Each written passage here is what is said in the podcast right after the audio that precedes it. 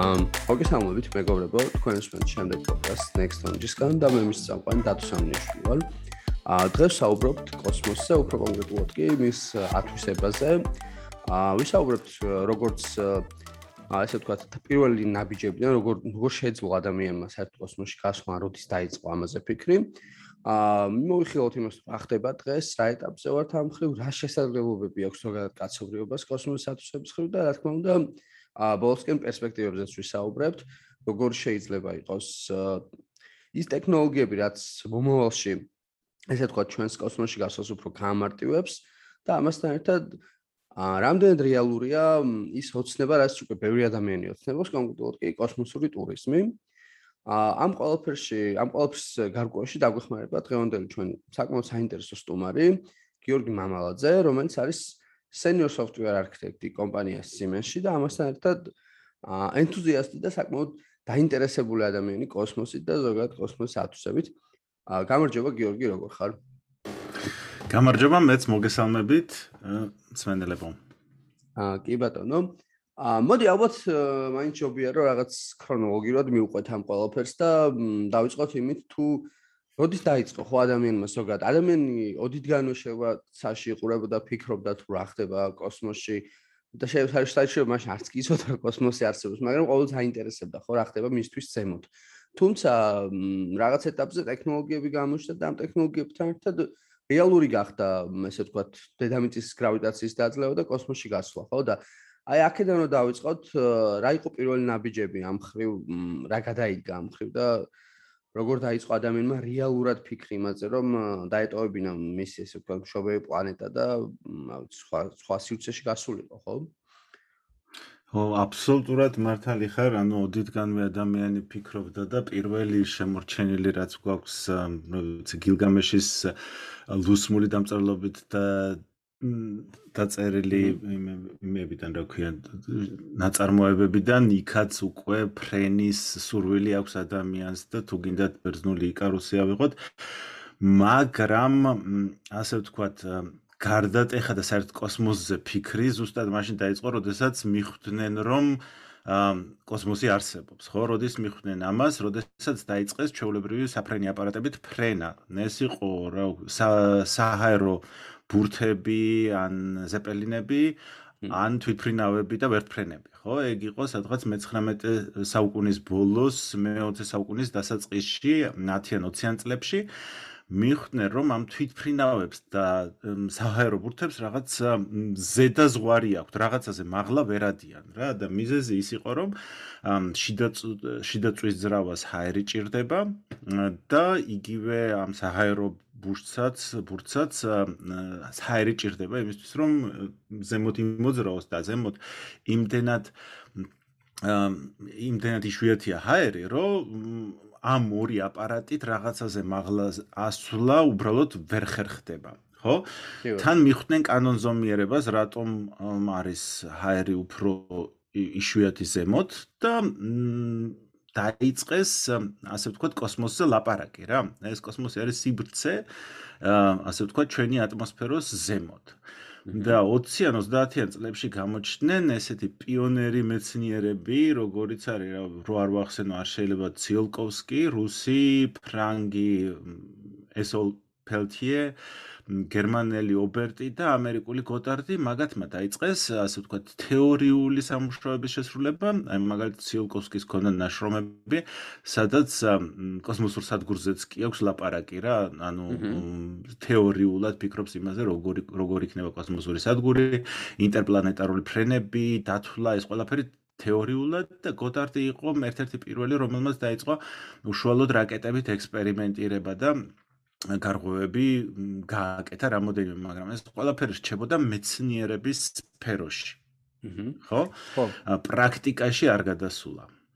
კი ბატონო, ძალიან საინტერესო ესეა ეს ძალიან საინტერესო მომენტი შეიძლება, როდესაც ა პირველად აღმოჩნდნენ ან დაფიქრდებოდნენ იმაზე ხო რომ რაღაც მიდიხარ და თვითონ ჩანგებადი კრება ამ ხრივ და აი ამ ხრივ თუ არის რაღაცა აი ჩანაწერები რაღაცები რას ვარაუდობდნენ ან თავიდანვე მიხვდნენ რასთან იყო საქმე სიტყვაზე აი ეგა ძალიან საინტერესო. თუ თავიდანვე გქონდათ რაღაც მომენტში როდესაც უკვე აი საჰერო ბუშტებზე ვახსენეთ ხო? თავიდანვე გქონდათ უკვე ეს მოლოდინი რომ ამ ხრივ რაღაც ესეთი ესეთი სიტუაცია იქნებოდა ხო? აი საინტერესოა კი მოსალოდნელი იყო იმიტომ რომ თებზე ადიოდნენ და ესე გაზომვებს აკეთებდნენ უკვე მე-19 საუკუნეში და ესე იგი მთაში რო ადიხარ ჰაერის ნაკლებობას გრძნობ ფიზიკურად რა და მაგის წნევის დაცემის გაზომვაც კი შეიძლება და თავიდანვე ვარაუდობდნენ და ამის ექსტრაპოლაცია გააკეთეს და შეაფასეს რომ აჰა ზემოთ იქნება ალბათ სავარაუდოდ ძალიან დაბალი ტემპერატურები და სავარაუდოდ ატმოსფერო დაიკლებს და რა ტემპით დაიკლებს მაგის მათემატიკური მოდელიც ჰქონდათ და საკმაოდ ზუსტად იცოდნენ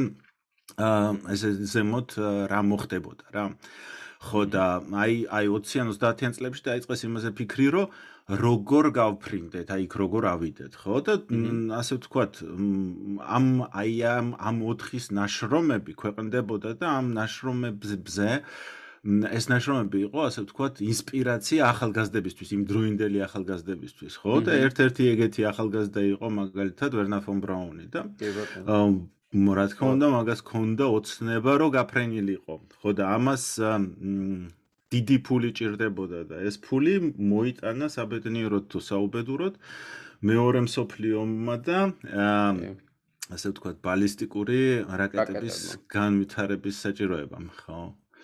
კი ბატონო, ხო, აი ეგ აი უკვე საერთო მეორე საკითხია ხო, როდესაც რეალურად დაფიქრდნენ რომ რითი შეიძლებოდა სიტყვაზე ასე თქვა გრავიტაციის დაძლევა და რაღაც დედამიწიდან გასვა ხო, გაცდენა დედამიწის და ნუ ამხრივაი როგორ ჩვენ თქვი ეს იყო რაკეტების ხო, მე ვიცი კიდევ რომ რუსეთის მხრიდან იყო ეს სერგეი კოროლიოვი ხო, ეს კოროლიოვი. კოროლიოვი. ხო, ესეთი მეცნიერი იყო და ამ ამ ორი ადამიანის იმას ესე თქვა ეგრეთ წოდებულ ჭიდილს ეძახიან ხო? თავიდან იმიტომ რომ საბჭოთა კავშირში იყო ეს მეცნიერი აქეთ იყო თავიდან ესე თქვა ფაშტურ გერმანიაში თუმცა შემდეგ როგორც ვიცით უკვე რაღაც ამერიკაში შეაფარა ხო თავი აა ფონ ბრაუნმა. აა და ამ ხრივაც საინტერესო ანუ რეალ ჩვენ ასე თქვი პირველი ბიზგია ეს რომ რაკეტები განვითარებულიყო იყო ეს შეიარაღების კუთხით ხო როდესაც უნდათ მეორე მსოფლიო ომისთვის უშუალოდ რა ესე თქვა თუდა ჯერს, მაგრამ ქალაქები რო დაებომბათ, ხო? დროებით აიყვანათ ზემოთ და მე ისე ქვემოთ ადამიანების დასახოცად გამოიყენებინათ, ხო? როგორ როგორ დაიწყო ამის განვითარება? რო აი ხო, ნუ ესეთი ეს ესეთი ფაქტი არის და ამასთან უნდა ამას უნდა შევეგუოთ, რომ სამხედრო გამოყენება კოსმოსური ტექნოლოგიების ერთ-ერთი ყველაზე დიდი დრაივერი იყო და არის და ალბათ იქნება კიდევაც, ხო? და კოროლიოვთან ერთად მაგალითად უნდა ვახსენოთ აგრეთვე გლუშკო, რომელიც აგრეთვე ძალიან გავლენიანი და ძალიან ჭკვიანი ადამიანი გახლდათ. ხო და ეს ყველაფერი უფრო გერმანიაში დაიწყო, მაშინ სხვა ერებს დიდად არ ქონდათ არც იმის სურვილი და არც იმის ალბათ შესაძლებლობა.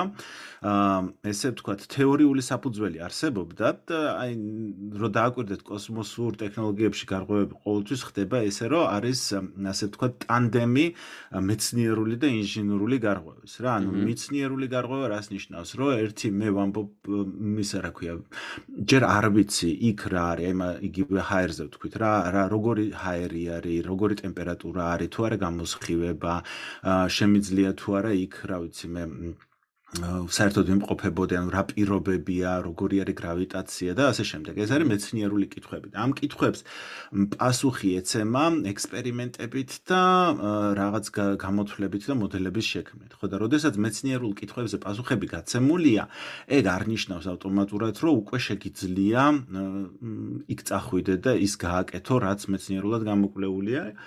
მეცნიერულ კვლევას ჭირდება მე ასე ვთქვათ ინჟინრული ჩელენჯი, ანუ ინჟინრული ეფორტი, ანუ შენ უკვე უნდა დაფიქრდე იმაზე კი არა რა, კითხვა რა კი არ უნდა დასვა, არამედ კითხვა როგორ უნდა დასვა, ანუ როგორ მივიდე იქ კონკრეტულად და ძალიან ბევრი ტექნიკური ჩელენჯი უნდა გადალახო და აი ამ ტექნიკური ჩელენჯების გადალახვა დაიწყეს ფონ ბრაუნმა და მისმა გუნდმა რომელთაც რომელთაც საერთოდ ნახევარ კონძულზე ერთი ადგილი გამოუყვეს, რომელიც იყო ჩრდილო ჩრდილო გერმანიაში, რომ ყოფილიყო ინგლისთან ახლოს. ხო და ინგლისთან ჰქონდათ დიდი პრობლემა, ესე იგი ინგლის ვერ ბომბავდნენ თვითფრინავებით, იმიტომ რომ ინგლისი თავს იცავდა ძალიან კარგად. ასე ვთქვათ, მომავალ თვითფრინავებს ხედავდნენ, ხედა რადარიც კი ჰქონდათ ინგლისელებს უკვე მაგ დროს განვითარებული და დაბომბვა იყო რთული. ბალისტიკური, ანუ ბალისტიკური ის ზარბაზნები ვერ წვდებოდა, ანუ უზარმაზარი ზარბაზნები გააკეთეს გერმანელებმა სხვათა შორის მატარებელზე დამაგრებული. ხო, იმითიც ცდილობდნენ, იმითაც ვერ მიაწვდინეს, ხო და შესაბამისად ერთ-ერთი, ერთადერთი შანსი იყო ინგლისიდან, ასე ვთქვათ, ინგლისის დამორჩილების, აი ესეთი რაღაც და ეგ შანსი თავიდან გერმანელებმა ვერ დაინახეს, შედარებით მოგვიანებით იყო კვლევა, მაგრამ აი ფული არ ყოფნიდათ და ერთხელ ჰიტლერი ესტუმრა მაგათ და ნუ აი ძალიან აღფრთოვანდა ამ პროექტით და სუტაში დაუკრა და პრიორი ნომერი 1 პრიორიტეტი მიისცეს და უწოდეს ვუნდავაფე ანუ გერმანულად ნიშნავს საოცრება იარაღს ხო და ესე იგი პირველი პროექტი იყო ესე იგი კამიკაძე მფრინავებით ფაუ 1 ერქვა რაკეტას ანუ თლად ბოლომდე რაკეტა არ იყოს ძრავი ქონდა ცოტათი საინტერესო, მაგრამ სასაცილო კონსტრუქციის, ანუ ერთჯერადი რაკეტა იყო, რომელიც რომელიც ადამიანის მიერ იმართებოდა რა, ადამიანი ჩაჭდებოდა. აჰა. შიგნით იჯდა, ხო, შიგნით იჯდა, გაფრინდებოდა, ჩამოვარდებოდა რა, ეგეთი იდეა იყო და ნუ დაიქირავეს რამოდენიმე ასეული ესეთი თვითმკვლელი კამიკაძე რაკეტის მფრინავები და ეგ იყო მუშა ვერსია, ეგრე უნდა ყოფილიყო. ეგ უნდა ყოფილიყო ვუნდავაფე 1. ხო, მაგრამ რაღაც ეტაპზე. ხო, ამის ამსმენია მე მართლა. ხო, არა, აი, რა ვიცი, დაგუგლები ერთი და ნახავ, ანუ ზრავი არ ვარგოდა რეალურად დიციჩქარეებს ვერ აღწევდა და ნუ ან თვითფრინავზე ბევრად უკეთესი არისო რა, შესაბამისად მაგაზე უარი თქვეს და დაიწყეს V2-ის განვითარება და ეხლა ამ V2-ში თვითონ ძალიან ბევრი ინოვაცია შევიდა, ანუ ერთი ერთი იყო ის რომ ესე იგი საწვავი თხევადი საწვავი ქონდათ და ესე იგი ძრავი განავითარეს პირველი პირველი რაკეტის ძრავი მუშა რომელიც იყო მართვადი. მე თვითონ ეს რაკეტა იყო მართვადი, ეგ იყო ერთ-ერთი მთავარი მომენტი, თორემ მანამდე არა უმართო უმართვადი რაკეტები მანამდეც არსებობდა, რა ვიცი მე თავისთავად მაგალითად კაციუშა 8 იყო რუსული და იგივე მაგალითად ჩინური ისინი რა ქვია. ახალ წელს რო უშვებთ რა ქვია. ხლაპუშკებს რო ეძახით, ხო? ხო, ხლაპუშკებს რო ეძახით, აი ეგენიც კი რაკეტებია, მაგრამ ეგენი არის უმართავი, ხო? და არის მყარ არსაწვავზე, ამიტომ არ შეიძლება მაგალითად იმითი სიძლიერის რეგულაცია და ამათი იყო თხევად საწვავზე და ესე იგი და მათი ფრენის ტრაექტორიის კონტროლი შეიძლებოდა და ყველაზე მთავარი გარღვევა ჩემი აზრით იყო მართვის კომპიუტერი იმდროინდელი. ეს არისო ელექტრონული კომპიუტერი, იყო ელექტრომექანიკური, ხო? მაგრამ იყო მართვის კომპიუტერი, ანუ რეალურად ზომავდა სიმაღლეს და ორიენტაციას. და ცდილობდა სიმაღლის და ორიენტაციის მიხედვით გამოეთვალა ტრაექტორია, სად იმყოფებოდა, რომ საბოლოო მიზდა შეინარჩუნებინა წინასწარ მიცემული ტრაექტორია, რომ მიცემული მიზნისთვის მიაღწია, ხო? და ეს საკმაოდ კარგად კარგად გამოსდიოდა და ჩემი აზრით ეგ იყო ყველაზე ერთ-ერთი ყველაზე დიდი გარღვევა, რომელიც რომელიც გერმანელებმა მაშინ გააკეთეს და მაშინ კოროლიოვი არ არსებობდა. საერთოდ, ну, რაღაცეებს აკეთებდნენ, მაგრამ საერთოდ კოროლიოვის არსებობის შესახებ მისი სიკვდილის მერე გავიგეთ საბჭოთა კავშირში და მთამსოფლიოში რა. ადამალული ყავდათ ესე ვთქვათ, ხო რა? ადამალული ყავდათ, ხო. სტალინს ჰქონდა როგორც ვიცი რაღაც თავის ისინი რომ ამერიკელებს არ მოეტაცებინათ, ან არ მოეკლათ და მოკლედ ამას მაგ ციხეში იჯდა ეს კაცი მე მგონი ცოტა ხნით ჩასვლა. გულაგში იჯდა, გულაგში იჯდა და ნუ ყველაზე სასაცილო ის არის რომ იმან რა ქვია, თავისმა კონკურენტმა და აგრეთვე ერთ-ერთმა დიდმა ტვინმა გლუშკომ ჩაუშვა. ხო და ეს ჩაშვებების დრო რო იყო 27 წელი და რაღაცეები და ამ გლუშკომ ჩაუშვა და ჩას ჩასვეს გულაგში და მე გათავისუფლებაც გლუშკოს ინიციატივით მოხდა, იმიტომ რომ გლუშკომ მიხვდა რომ პატრიოტი თუ იყო და გარღვევის გაკეთება თუ უნდათ უნდა გამოეშვა ციხიდან, ხო? რა რაზე ჩაუშვა ესე უბრალოდ დამაინტერესება, შეკითხულსაც და ფენელსაც დაინტერესებს, ხო არის ეს? ზუსტად არ ვიცი, მაგრამ ეს ჩვენთვის ჩვენთვის არის, ესე ვთქვათ, მიზეზი საჭირო რა და იმ დროინდელ საბჭოთა კავშირში საკმარისი იყო გეთქვა, რომ ანტისაბჭოთა ელემენტი ხარ და всё მორჩებოდა მაგითი ლაპარაკი რა, ანუ რაღაცა ჩამოკიდეს და უთხრეს, რომ ანტისაბჭოთა ელემენტი ხარ და ჩასვეს. დამთავრდა ხო და ეხა ეს ეს ის ამ გლუშკოს როლი დიდია იმიტომ რომ როგორ გერმანია რო დამარცხდა ხო მოხდა ესეთი რაღაცა რომ ეს მთელი გუნდი რომელიც ამ იმეებზე მუშაობდა რა ქვია რაკეტებზე მუშაობდა მათ ესმოდათ რომ ეს მოწინავე ტექნოლოგიაა და ეს როგორც რუსების ასევე ამერიკელების დიდ ინტერესს გამოიწვევდა და ეს მთელი გუნდი მთელმა გუნდმა მთელი ეს ნახაზები დოკუმენტები რაღაცეები დაითრიეს და და გაიქცნენ და დაიმალნენ ბავარიაში სადღაც მთებში ძალიან ღრმად. და ეს ყველაფერი დამარხეს და ისხდნენ და ელოდებოდნენ როდის მოვიდოდნენ ამერიკელები რომ ამერიკელებს ჩაბარებოდნენ რა და გააგზავნეს კიდევაც მე მგონი ბრაუნის ძმა დადიოდა და ცდილობდა ამერიკელების ყურადღების მიქცევას რა. და ამავე დროს რუსებმა დაიპყრეს აღმოსავლეთ გერმანია, მათ შორის პენემინდე და ის ადგილი, სადაც ეს ძრავები კეთდებოდა რაღაც და დაიწყეს ამ ძრავების და ყველაფერი, რაც რაკეტასთან ქონდა საერთო, ყველაფრის გატანა რა. და ესე იგი, პირველი რუსული რაკეტა იყო ერთ-ერთი კოპია V1-ის. ანუ არაფერი ყარანაირ ცვლილება არ გაუკეთებიათ, უბრალოდ ერთ-ერთი დააკოპირეს რა. ხო და ამ დააკოპირების დროს აღმოაჩინეს, რომ ძალიან ბევრი მასალა, ელემენტი, რაღაცა ტექნოლოგია, რომელიც პირველად კი არა, არამედ მეორადი ტექნოლოგიები, რომლებიც აი ამის გასაკეთებლად გამოიყენება, საბჭოთა კავშირში საერთოდ არ არსებობდა და არც იცოდნენ რა.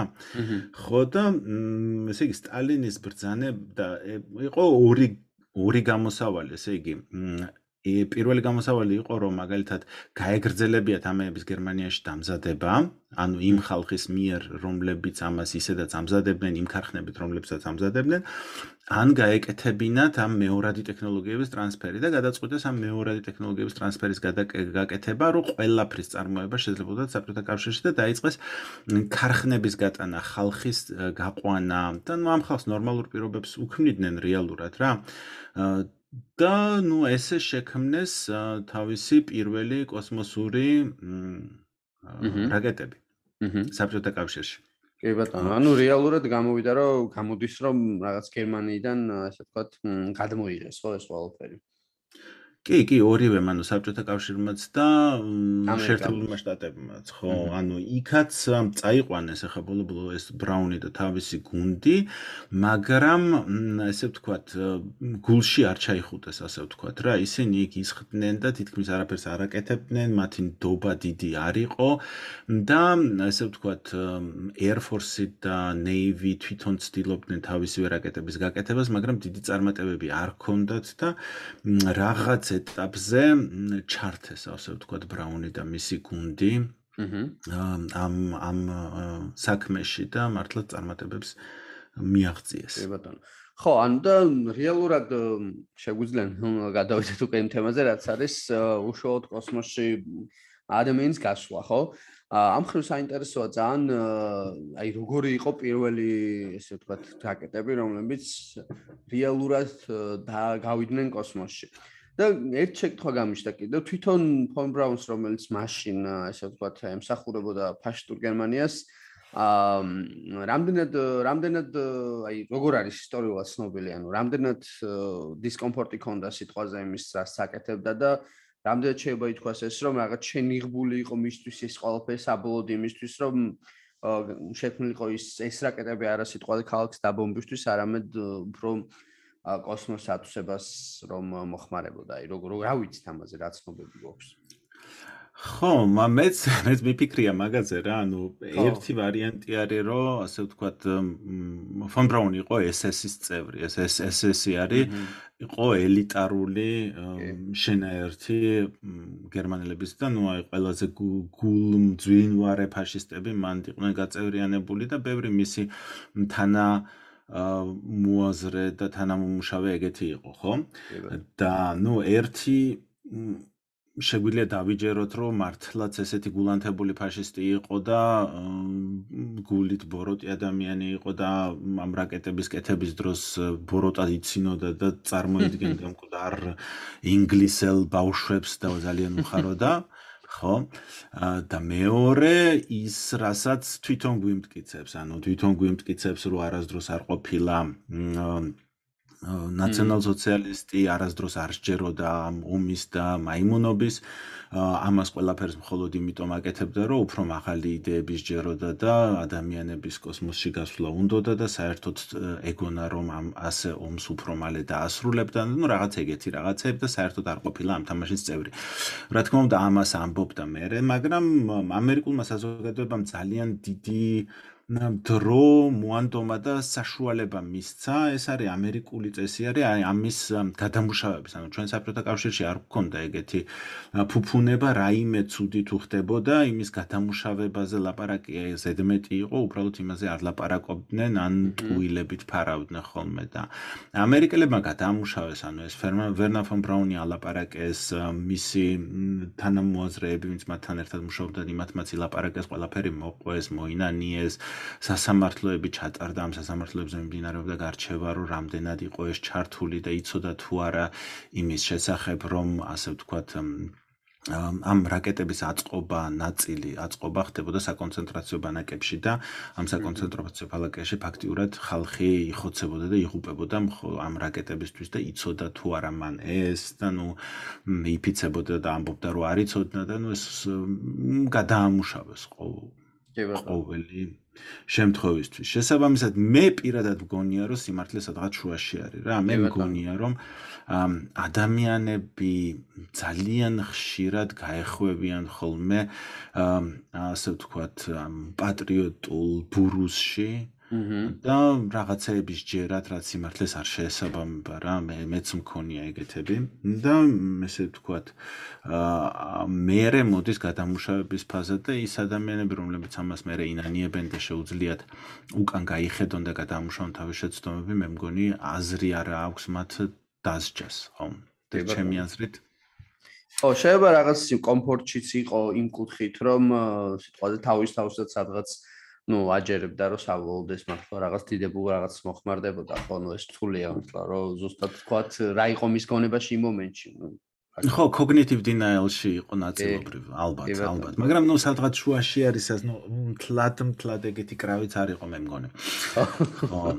კი ბატონო. ეხა რაც იმას რაც რუსებს და გაგარინს შეეხება რა ასე ვთქვათ ხო, იმიტომ რომ საბოლოოდ ვიცით რომ მიუხედავად ამ ფონ ბრაუნისა, რუსებმა ესე ვთქვა თავიდან საბჭოთა კავშირმა გაასწრო, ხო? აი და ეს საინტერესოა, დღემდე ბევრისთვის ეს გაუგებარიც არის ბევრისთვის, რომ აი როგორ მოახერხა სიტყვაზე საბჭოთა კავშირმა უცებ ამ ბოლოში დაწინაურება და თავიდან ვთქვათ ლიდერობდა ხო ამ კუთხით აი ეს როგორ მოხდა? აი მე ძალიან სუბიექტური ვარ მაგ საკითხში და ამიტომ ესე იგი ჩემ დასრს გეტყვით და რა ვიცი შეიძლება მაგაზე დავადამსჯელობაც მოვაწყოთ. აა აქაც ასე ვთქვათ ადამიანის კოსმოსში გაშვების დრაივერი საუბედროდ ის არ ყოფილა რომ მოდი ასე ვთქვათ ადამიანმა დაიპყროს კოსმოსი და ასე შემდეგ. ელემენტარული რამე იყო ხო ჩაოლებრივი ცივი ომი იყო და ესე იგი იმის გამო რომ მაგ დროს ავტომატიზაცია კომპიუტერები ახლა ჩვენთვის ძალიან მარტივ წარმოსადგენი არის რა ვიცი მე რაღაცა გაფრინდა მარსზე იქ მიწა ამოთხარა იარა გაფრინდა დაჭდა რაღაცები გაზომა და მონაცემი გამოგვიგზავნა. ეს ჩვენთვის ძალიან მარტივი წარმოსადგენია და მაგ დროს კომუნიკაციები და კომპიუტერი და მართვის სისტემები ესეთი განვითარებული არ იყო. ანუ შესაბამისად, შენ თუ გინდოდა რაიმე აზრიანის გაკეთება კოსმოსში, ხო? ესე იგი, აზრიანი არსება უნდა ჩაგესვა და გაგეშვა იქ, ანუ პილოტი, რომელიც ასე ვთქვათ, იქ ზემოთ რაღაც გაზომვებს ჩაატარებდა, იქიდან დაკვირვებებს ჩაატარებდა, სურათებს გადაიღებდა.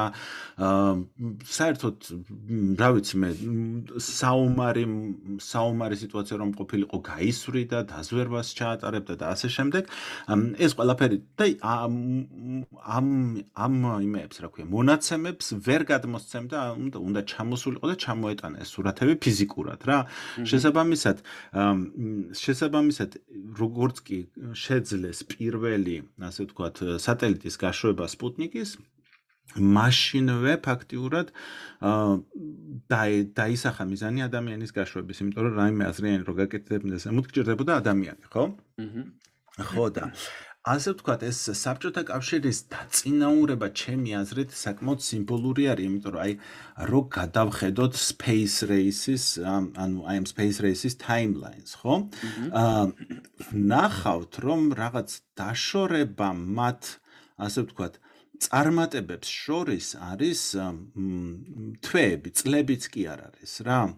ანუ პირველი სატელიტი სპუტნიკ 1 გაუშვეს რუსებმა 57 წელს, იგივე 57 წელს გაუშვეს ამერიკელებმა.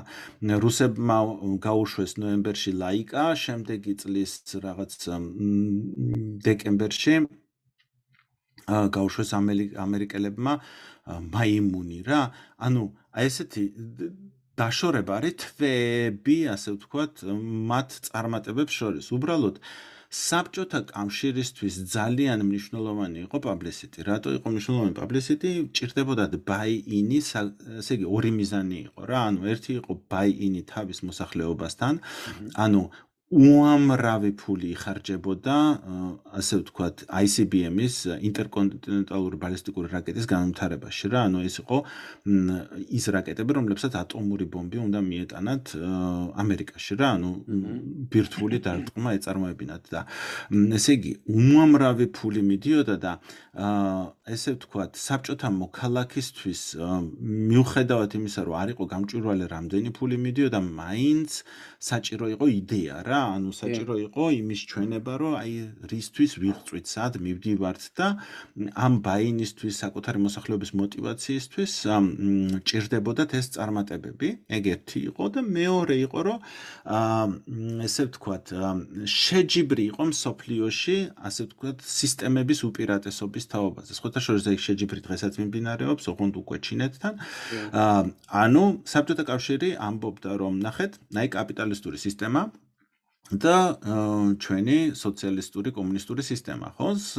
ისინი ვერ აკეთებენ რაღაცებს, ხო? იმიტომ რომ არიან გაღორებულები, ჩვენ კიდე გვაქვს შესაძლებლობა, რომ აი კონცენტრაცია მოვახდინოთ რესურსების, მიმართ მიმართოთ ცენტრალიზებულად, აი როგორც საზოგადოება მივაღწიოთ უფრო რაღაცას და ეს ძალიან დიდი мотиваტორი იყო როგორც ქვეყნის შიგნით, აგრეთვე ქვეყნის გარეთ, იმიტომ რომ ქვეყნის გარეთა perception-ი იყო ქვეყნებისთვის, რომლებიც, რა ვიცი, მერყეობდნენ ამ ამ კომუნიზმსა და კაპიტალიზმს შორის, ხო?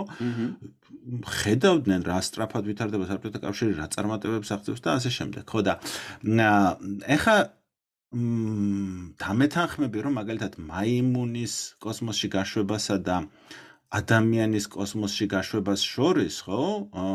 დიდი დიდი გეპი არ არის რა. ესე იგი გეპი არის ჩემი აზრით მხოლოდ წონა და რისკი. ხო? ანუ მაიმუნს რატომ უშვებ? იმიტომ რომ ვერ რისკავ ადამიანის გაშვებას, ხო და აა საბჭოთა საბჭოთა პროგრამა იმითი იყო ცნობილი, რომ ამ რისკებზე უფრო ადვილად მიდიოდნენ და ეგ იყო მაგალითად საბჭოთა ჰეროიზმით მოტივირებული რა.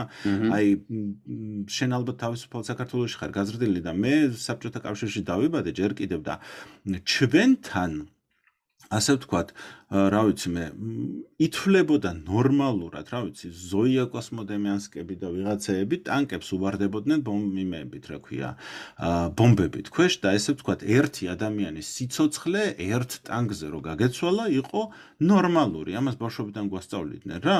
ანუ წარმოიდგინე ერთი ტანკი რაღაც რკინა და ერთი ცოცხალი ადამიანი, ხო? ხო და ეგ გაცვლა ითვლებოდა ფეა გაცვლა. ანუ ქართულად როგორ არის?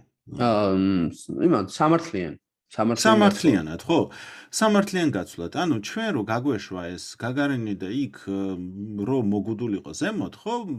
მომენტ საბჭოთა საბჭოთა საზოგადოება დიდად არ აღშფოთდებოდა და იტყოდა რომ რავი სამშობლოსთვის დაიღუპა შესწირა თავი ჩასვავდნენ ახალ გაგარენს და გაუშვებდნენ ზემოთ მოსაგულად ხო პრობლემა არ იყო და ამერიკაში კიდე ძალიან ეშინოდათ პირიქით საზოგადოებრივი აზრის, იმიტომ რომ როგორც კი ერთი ადამიანი დაიღუპებოდა და ადამიანის სიცოცხლე შეეწირებოდა რამეს სულ ერთია რას, იქნებოდა ეს მეცნიერება, პატრიოტული იდეა, რაც არ უნდა ყოფილიყო.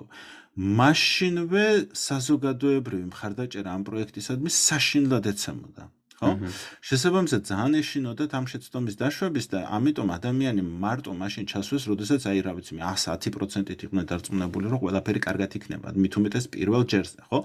საბჭოთა კავშირში რო გაეშვათ და ის რომ მოგუდულიყო რა ვიცი მე შეიძლება არც გაგვეგო, იმიტომ რომ მაგალითად იმის შესახებ რა ქვია, გაგარინის გაგარინის წარმატების შესახებ მხოლოდ ფრენის დასრულების შემდეგ გავიგეთ. ანუ გაშვების მომენტში საბჭოთა მოქალაქეებს არ უთხრეს, რომ აი ახლა გაგარინი გაფრინდა, მოდი დაველოდოთ რა მოხდება. ამერიკელებს ეგ ფუფუნება არ ქონდათ, რომ რაღაცეები მიეჩქმალათ, მიეჩუმებინათ, ამიტომ იყვნენ ბევრად უფრო ფრთხილები და ბევრად უფრო დაფიქრებულები, წინდახედულები და რუსები უფრო ჩერეზნემაგუზე მიდიოდნენ. შესაბამისად, მე შემიძლია თამამად თქვა, რომ აი ეს წარმატებები, ხო, რა თქმა უნდა, რა თქმა უნდა, იმის თქმა, რომ ასე ვთქვათ, ტექნოლოგიურად რუსები ჩამორჩენილები იყვნენ, არ შეიძლება, იმიტომ რომ ძალიან წინწასულები იყვნენ და თითქმის ამერიკელები და რუსები თითქმის ერთ დონეზე იყვნენ, მაგრამ აი რუსებს თითქოს უპირატესობა ჰქონდათ, ეგრე არ ყოფილა რა, ანუ დიდი უპირატესობა არ ქონიათ, თითქმის ერთ-ერთში მიდიოდნენ, უბრალოდ რუსები ძალიან კარგად არტყავდნენ აი ამ პირველობის რისკავდნენ შეიძლება ითქვას ესე იგი. ხო უფრო რისკავდნენ ვიდრე სიტყვაზე დასალ კი კი. ხო ესე იყო ხო. და მაგის აღმოსაფრხველად ეხა იმათმა რა ქვია ამერიკელებმა ზუსტად ეს მთვარის პროგრამა გააკეთეს სადაც აი ერთ დიდ ისეთ რაღაცას გაარტყეს რასაც რაც რუსებისთვის ელემენტარულად რესურსებით მიუწვდომელი იყო რა ფაქტიურად ამათმა კაპიტალიზმით აიღეს რა ხო, აი ეგ არის კიდე საინტერესო, ანუ ესე იგი, თქვა კოსმოსში თუ შეძლო რუსეთმა საბჭოთა კავშირმა პირველად გასვლა, პირველმა გასვლა, რა მოხდა უშუალოდ ესე თქვა თვარის მისიასთან დაკავშირებით, ხო? ანუ ან აი ტექნიკური კუთხითაც რო ახსნათ, ეგეც ძალიან საინტერესო იქნება ალბათ, ხო? ანუ ეს რა რესურსებთან იყო მაშინ ეს დაკავშირებული, რა რესურსები იყო საჭირო, ან ა როგორ შეძლეს საერთოდ იქამდე მისულიყვნენ ხო ვისაუბრეთ მეორე მსოფლიო ომში და ომზე და იქ შედარი პრიმიტიულ ტექნოლოგიაზე ხო რომელიც სიტყვაზე შეიძლება ქალქს აი ქალქამდე ვერ მიიღწია კონკრეტულ თავის მიზნისთვის და აი როგორ მოხდა აი ამის ესე ვთქვათ განვითარება ამ კუთხით აი ეს ძალიან საინტერესოა? ხო აი კენედის კენედის სპიჩის შემდეგ ხო ამერიკამ მოახდინა რესურსების რაღაც უპრეცედენტო მობილიზაცია ამ აპოლოს პროექტის განვითარებისთვის და შექმნისათვის. და ეს ფული ასე ვთქვათ ჩაიყარა არა მარტო ჩაიდო არა მარტო რა ვიცი მე შევქმნათ რაკეტა არამედ უამრავი გვერდითი ტექნოლოგიის შექმნა გახდა საჭირო რა. ან გვერდითი ტექნოლოგიებში რას გულისხმობ მაგალითად დაჭirdათ კომპიუტერული სიმძლავრე შეიქმნა კომპიუტერები IBM-ს დაუკვეთეს უზარმაზარი კომპიუტერები. აა საჭირო გახდა ბორდ კომპიუტერების შექმნა მეხსიერების შექმნა პირველად შეიქმნა ეს Apollo Guidance კომპიუტერი რომელიც რა ვიცი მე შედევრი არის იმ თავისი დროის.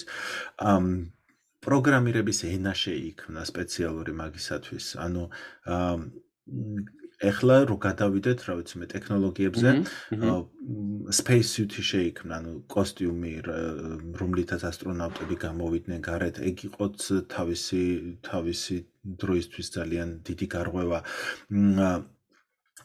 ამას უძღვებოდა Gemini პროგრამა, რომელიც გულისხმობდა კოსმოსში გასვლას და სხვადასხვა მანევრების შესწავლას, აი მაგალითად, აა კოსმოსში დოკინგის მანევრის შესწავლას, აი ბევრი რაღაც ისეთი კვლევა ჩატარდა, ანუ როგორც მანამდე ვთქვი, საჭირო იყო, ასე ვთქვათ, მეცნიერული წინსვლები, რომლებსაც მე ინჟინრული წინსვლას იწევდა, მე ინჟინრული წინსვლა იყო საჭირო და ასე შემდეგ, ანუ ძალიან გრძელი ჯაჭვი იყო მეცნიერული ინჟინრული გარღვევის, მეცნიერული ინჟინრული გარღვევის და აა ესე ვთქვათ, შტატები მაგ დროს კერძო კომპანიებს უკვეთავდნენ ამ ყველაფერს, ხო? და side effect-ი რა იყო? ესე ვთქვათ, მე თუ აა ვქმნი ეგრეთ წოდებულ guidance computers, რომელსაც შეუძლია ასე ვთქვათ, სატელიტის კოსმოსში მართვა, ხო?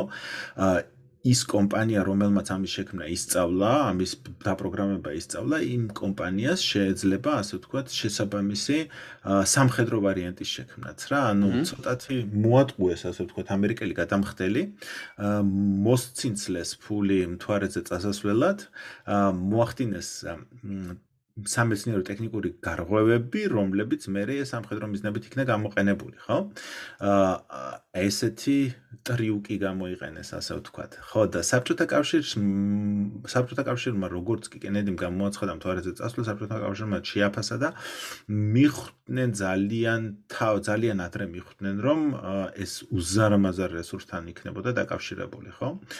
და მაგდენი ფულის ჩაყრას რუსები ვერ შეძლებდნენ და ამიტომ დაიწყეს ასე ვთქვათ შორტკატის ძიება რა. ეს თქვა შორტკატის პოვნა საბჭოთა კავშირში ძალიან ცნობილი მოვლენა იყო. მაგალითად ერთ-ერთ ერთ-ერთი გარღვევა და ერთ-ერთი რეკორდის დამყარება როცა ჭირდებოდათ ხო? აა რაღაც რევოლუციის რაღაც 30-40 წლის თავი იყო და ნუ რაღაცა უნდა გაეკეთებინათ ესეთი შთამბეჭდავი და თქვეს რომ მოდი ისე ვთქვათ რა შეგვიძლია გავაკეთოთ. და აბრეინსტორმინგეს და აღმოჩნდა რომ დიდი არაფერი რა ასე ვთქვათ რომ სენსაცია წარმოებიათ და ნუ ერთ-ერთი წინადადება იყო რომ მოდი სამი სამი კაცი გაუშვათ კოსმოსშიო რა. ანუ მანამდე მხოლოდ ორი იყო გაშვებული და სამი არ ყოფილა გაშვებული და ერთდროულად ხო ეს ანუ ერთდროულად. ხო ხო სამი ერთი კაფსულით ხო. და ნუ რა ვქნათ რა ვქნათ ორ კაციანი კაფსულა გვაქვს და მოდიო მაშინო ასე ვთქვათ, რაღაცებზე უარი ვთქვათ, მაგრამ ამათ ეცვათ მაგალითად კოსმოსური ისინი, რა ქვია, სკაფანდრები თვითონ კაფსულაში, ხო და მოდი სკაფანდრები გავხადოთ. ნუ ეგ წონას მოაკლდა. მოდი სკამები გავამარტივოთ, გაამარტივოს სკამები. მე რაღაცეები მოაკლეს, მოაკლეს, მოაკლეს და აღმოჩნდა, რომ სამი კაცის ჩატენვას ახერხებენ წონითაც და ნუ მოცულობითაც როგორღაც, ხო? მაგრამ ნუ სულ ცოტა აკლდებათ 60 კილო აკლდებათ თუ რაღაც ეგეთი და აი არ დაიჯერებ რა გააკეთეს კოსმონავტები დასვეს დიეტაზე. მართლა. მართლა მართლა ხო და ეს ხალხი გახდა დასუსტ და ისე რომ ესე ვთქვათ ჩატეულიყო ამ წონის და გაისროლეს ეს სამი კაცი ჩამოვარდა ეს სამი კაცი ქვემოთ ხო და ისა რა ქვია ნუ რა დაასხდე ყველაფერმა კარგად ჩაიარა და სხვათა შორის ის კაცი რომლის იდეაც იყო ეს თვითონ ერთ-ერთი ერთ-ერთი ასტრონავტი იყო. ხო და ნუ იზე იმეს და გამოაცხადეს რომ რა ვიცი მე რევოლუციის წლისთავთან დაკავშირებით საბჭოთა კავშირმა დიდი გარღვევა გააკეთა და სამი კაცი გაუშვა. თუმცა აი არის კი ვიცი ვიცოდი მე ხა ეგ კონკრეტული მომენტი. ფაქტია რომ ვერ გაამართლა ხო? იმიტომ რომ რაც მასიური ის ვერ მოიპოვა მაგიმან რომ სამი კაცი რო გაუშვეს მაგით დიდად. ხო მაგრამ იმ დროს საკმარისი იყო რომ რა ვიცი მე ნიუ-იორკ ტაიმს ის პირველ გვერდზე დაბეჭდილიყო რა. ეგ მოვლენა და ნუ მაშინ ჰაიპი იყო ამ ყველაფრის გარშემო და ბახ, ხედავ, სამი კაცი და ნუ ესე იგი ისევ ვჯობივართ ამერიკელებს, ხვდები? ანუ ეს perception-ის შენარჩუნება shortcut-ების ხარჯზე, ხო და აი მთვარის პროგრამის თან დაკავშირებითაც გადაწყვიტეს, რომ ეგეთი shortcut-ი გაეკეთებინათ, ხო? და დაიწყეს ბრეინსტორმინგი იმ მიმართულებით კი არა რომ სად ვიშოვოთ ფული და რესურსი რომ ამ ხელა პროგრამა განვახორციელოთ და ამერიკელებს დავეციოთ რა. იმიტომ რომ ამერიკელები ძალიან თანამიმდევრულად იცოდნენ რამდენი ათეული წელი დაჭირდება რა საით ტექნოლოგიები დაჭირდება ამ ყველაფერს და ნელ-ნელა ნელ-ნელა მიდიოდნენ მაგ მიზნისკენ რა და ყრიდნენ უზარმაზარ ფულს. ხო და ამათმა იმასე ფიქრი არ დაიწყეს რომ ეს ფული სად ვიშოვოთ. არამედ დაიწყეს რომ აი როგორ ვიმაიმუნოთ და როგორი რა შორტკატი ვიპოვოთ რომ უფრო იაფად და სწრაფად ჩავიდეთ მთვარეზე რა. ხო და ნუ მან მან შექმნეს სხვათა შორის ძალიან კარგი ძრავი და რა ვიცი მე რაკეტა N1 რომ რა ვიცი, გაგონილი გექნება, რომელიც იყო იმისთვის, რომ მთვარეზე გასაფრენად იყო და ნუ ამ რაკეტამ ძალიან არ გაამართლა რა. ანუ იმდენად არ გაამართლა, რომ პირველი კატასტროფის დროს ისე აფეთქდა, რომ ასე ვთქვათ, ყველა მთელი პერსონალი ამოხოცა რა რაც ვინც იქ დამსწრე იყო იმ ხელაფეთქება იყო და launchpad-ი დაანგრია და აი საშინელი კატასტროფა იყო. ძალიან ბევრი ადამიანი დაიხოცა ამან რამოდენიმე წელი წლით გადადო. მე გააკეთეს N1-ის მეორე ვერსია ისიც ჩამოვარდა და ნუ მესამე რაღაც ცოტათი აფრინდა და ჩამოვარდა და მე გააჩერეს რა. ხო და ეგ იყო ყველაფერი ისა რა ქვია გლუშკოს ინიციატივა. მაშინ როდესაც კოროლიოს ცოტა უფრო სხვა იდეები ქონდა და ნუ იმ იდეებს არ წაყვნენ იმ მიმართულებით არ წავიდნენ რა ანუ შიდა კონკურენცია გაიჩითა რა ერთ-ერთმა უფრო მეტი ფინანსირება მიიღო ვიდრე მეორემ და მაგის მერე უარი თქვეს ასე ვთქვათ მთვარეზე და გააკეთეს კონცენტრაცია ფოკუსირება სხვა მიმართულებით, კერძოდ კოსმოსში, კოსმოსური სადგურის შექმნაზე. ხო, თქვენს რომ ეს მთვარე ჩვენი პრიორიტეტი არ არის, ვქმნით კოსმოსურ სადგურს, ხო. თუმცა ეს აი მე როგორც ვიცი კიდე ერთ-ერთი მიზეზი რატომაც სიტყვა საბჭოთაშ სან გაუჭირდა ის ყავს თვითონ კოროლიოვი რომ მოკვდა ხო მოულოდნელი ციკლით და აი ამ ხრივ რამდენი დარტყმა იყო ეგ თვითონ მაშინდელი იმისთვისების მისიებისთვის. ხო ამ ამბობენ რომ ძალიან დიდი დარტყმა იყო და ეს კოროლიოვი აა ნიშნულოვანი პიროვნება იყო, მაგრამ იმიტომ კი არ იყო ნიშნულოვანი, მარტო იმიტომ კი არ იყო ნიშნულოვანი, რომ აა მარტო იმიტომ კი არ იყო ნიშნულოვანი, რომ რაღაც გენიოსი იყო რა, არამედ აა წონა ქონდა და ეთქმოდა რაღაცეები აა საბჭოთა ხელმძღვანელობაში, ხო? და აი, რა ვიცი, შენ რამდენად აი ქართულ მსმენელს რამდენად ესმის ეს თელ ამ ტოტალიტარულ სისტემებში, ხო? აა ერთ-ერთი დიდი პრობლემა არის სიმართლის თქმა. აა როცა გაქვს შიში მაგის, ხო, სიტყვაზე? როცა გაქვს რაღაც მოყვება, კი ბატონო. ხო, ხო. ანუ ამ ის ტოტალიტარული ლიდერებს ძალიან არ უყვარს ის სიმართლის მოსმენა, ხო? და თან ცხოვრობენ რაღაც ილუზიაში, რომელსაც კომფორტულ ილუზიაში, რომელსაც მათ გარშემო ყოფნი უქმნიან, ხო? და შესაბამისად შენ თუ ხარ, ასე ვთქვათ, ვიღაცა დამწყები ბიუროკრატი ხელმძღვანელი ამ კოსმოსური სააგენტოსი, რომელსაც კოროლოვისნაირი წონა და აა სახელი არ აქვს, ხო? და მიდიხარ რა ვიცი მე პარტიის ხელმძღვანელთან ან არმიის გენერალთან და ეუბნები რომ ეს არის სისულელე და ეს არ უნდა გავაკეთოთ და უნდა გავაკეთოთ ეს, ხო?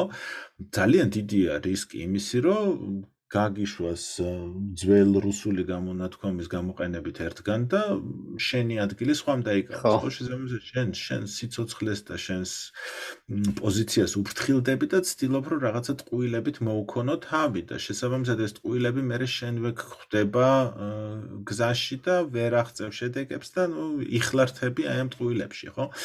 ხო და ეს ეს მოხდა ფაქტიურად კოროლოვის სიკვდილის მერე, იმიტომ რომ კოროლიოვს ქონდა სტენდინგი რა, ანუ შეეძლო მისულიყო და მაგიდაზე ებრახუნებინა იქ ბრეჟნევებისთვის და ხრუშოვებისთვის და მაგის უნარი და მაგისი საშუალებას მის შემდგომ მოსულებს არც ერთს არ ქონდა, ხო და მე მგონი მისმა ტექნიკურმა გენიოსობამ კი არ შეაფერხა, არამედ მისმა პიროვნების არარსებობამ, აი ესეთი პიროვნების არარსებობამ უფრო შეაფერხა პროგრესი რა, მაშინ როდესაც ხო, ანუ რაღაც ადამიანები გამოჩნდნენ, რომლებიც სიტყვაზე, ასე ვთქვათ, რაც ყოველთვის თავს უქნევდნენ, ან ეთყოდნენ, რომ კი, ამას გავაკეთებთ, მაგრამ საბოლოო ჩემს შეიძლება არაფერი არ გამოსულა, რაღაც ეგეთი, ხო? კი, კი, კი, კი. აი ესეთი ეს იყო მე მგონი უფრო მთავარი პრობლემა, იმიტომ რომ ცოდნა, ასე ვთქვათ, ცოდნა და ინჟინრული ინჟინრული აა ჩვევები და იყო განაწილებული რა, ანუ იყო ძალიან ბევრი ჭკვიანი და შეძლებ შესაბამის შესაძლებლობების მქონე ადამიანები, რომლებსაც ამას ამის ტექნიკურად განხორციელება შეძლებოდათ, მაგრამ აი მენეჯერი, რომელსაც უნარი ექნებოდა, ასე ვთქვათ, პარტიასთან კომუნიკაციის ეგ აკლდა. საბჭოთა პროგრამას. აი შენ ახსენე კოსმოს საერთაშორისო სადგური, ხო, კოსმოსური და აი ამ ხრივ აი დღეს ვიცით აი ეს არსებობა ხო საერთაშორისო კოსმოსური სადგურის და შენ თქვი რომ სიტყვაზე საბჭოთა კავშირს მათ თქვა რომ ჩვენ უნდა შექმნით კოსმოსური სადგური და ამ ხრივ როგორი იყო პირველი კოსმოსური სადგური როგორ შეიქმნა ეს ძალიან საინტერესოა ხო, ნუ პირველი იყო სხვადასხვა არ იყო საბჭოთა, იყო Skylab-ი რა, ამერიკელების შექმნილი. ხო და დრაივი. ხო კოსმოსურ სადგურს ვერ უწოდებ, იმიტომ რომ აი მან ზღვარი საკმაოდ საკმაოდ საინტერესო არის, ანუ აა როგორ გითხრა, ანუ ვთქვათ, რაკეტას, ხო, შეუძლია გაიყვანოს შეუძლია კოსმოსში გაიყვანოს სატელიტი რა. სატელიტი საკმაოდ პასიური რამ არის, ანუ თავისი ძრავე თავისი ძრავი და მოძრაობის საშუალება შეზღუდული აქვს ძალიან, ანუ მარტო თავისი ორიენტაციის შეცვლა შეუძლია ოდნავ. ხო? შიგნით ზის თუ არა ადამიანი ეს მეორადია და ნუ იქ ცხოვრება შეუძლებელია რა ესეთი იყო მაგალითად იგივე გაგარინის კაფსულა იყო სატელიტი რა შემდეგი ნაბიჯი არის ეგრეთ წოდებული კოსმოსური ხომალდი კოსმოსური ხომალდი შეიძლება კოსმოსში ორბიტაზე არა მარტო ორბიტაზე გახვიდე არამედ ორბიტა შეიცვალო ანუ იქ ზემოთ იფრინო რა იქ ფრენა ბევრად უფრო სხვანაირად ხდება ვიდრე დედამიწაზე ვიდრე დედამიწაზე მაგალითად თვითფრინავთ იქ არ შეგიძლია ეგრე შემოტრიალდე მარჯვნივ და გაფრინდე რა ანუ იქ ძრობ 8000 კილომეტრის საათში სიჩქარით, სადაც 240 კილომეტრ სიმაღლეზე ან უფრო მაღლა და შეგიძლია მხოლოდ ორბიტა შეიცვალო, ანუ შეგიძლია უფრო მაღლა ახვიდე, უფრო ქვემოთ ჩამოხვიდე, გაწელო ორბიტა, შეამცირო და ასე შემდეგ. ხო და ამ ორბიტაზე კოსმოსურ ხომალდ შეუძლია მანევრირება და აქ აგრეთვე შესაბამისი შეზღუდული შესაძლებლობები არის იქ გაჩერების რა. ეხა რა არის ასე ვთქვათ სადგური, რო გადავიდეთ კოსმოსური სადგური, შემდეგი ნაბიჯი. კოსმოსური სადგურს, კოსმოსური სადგური თავისთავად ჰომალდის თვისებებიც აქვს, მაგრამ ხშირად კოსმოსური ჰომალდია უბრალოდ მიერთებული არის ხოლმე სადგურზე და ამ სადგურს დააჩანჩალებს წინ და უკან. რა თვისება აქვს სადგურს? შიგნით არის ბევრად უფრო მეტი ადგილი, არის ჰაბიტატი და life support სისტემები. ანუ შინ შიგ შეგიძლია იცხოვრო. არის ჟანგბადის წარმოების საშუალება, ანუ არ გჭირდება ჟანგბადის წაღება, ქიმიურად წარმოება ზემოთ ჟანგბადი და წყლის გადამუშავების სისტემა, აორთქლების რეგულაციის სისტემა და რაც ძალიან მნიშვნელოვანი არის ძილის და ტუალეტის საშუალებები რა.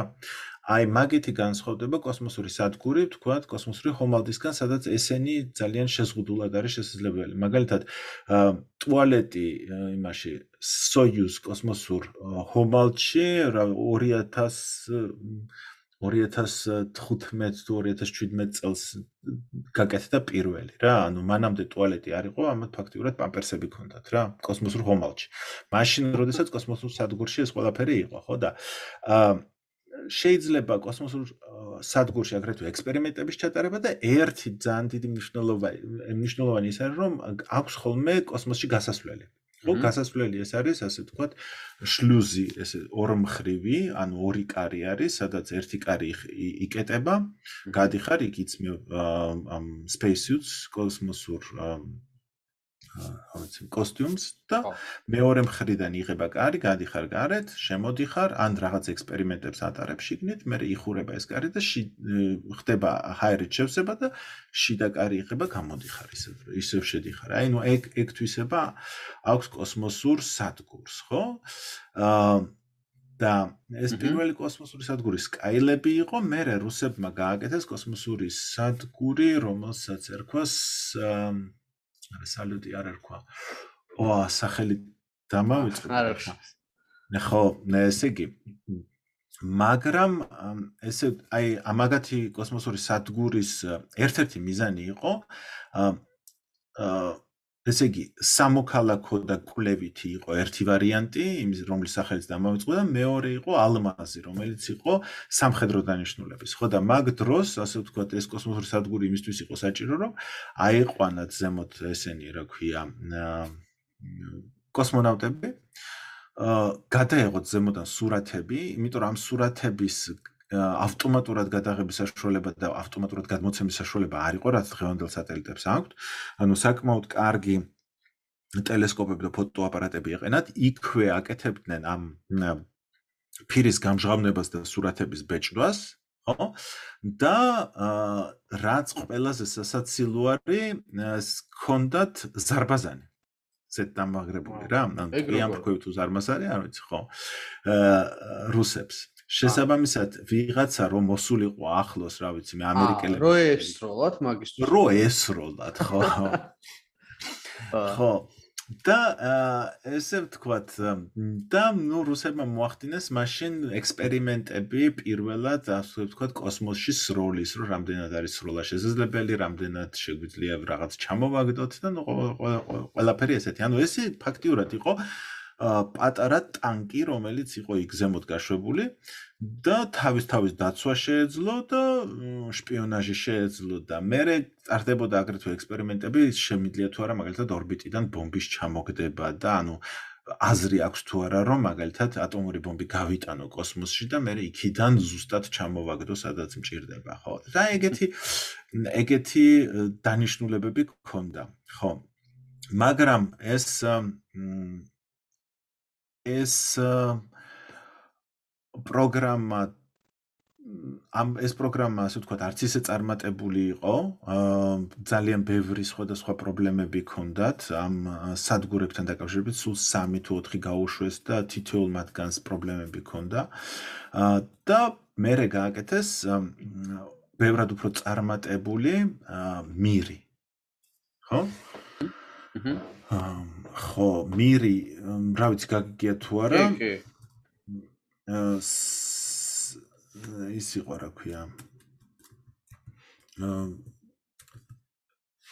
იყო საბჭოთა კოსმოსური სადგური პირველი. ეხა ესეთი დრო არის, რომ მაგ დროს ამერიკელებს კოსმოსური სადგური არ ქონდათ. არ ქონდათ რატომ? იმიტომ რომ ამერიკელები მაგ დროს ძალიან დიდ ფსონს დებდნენ.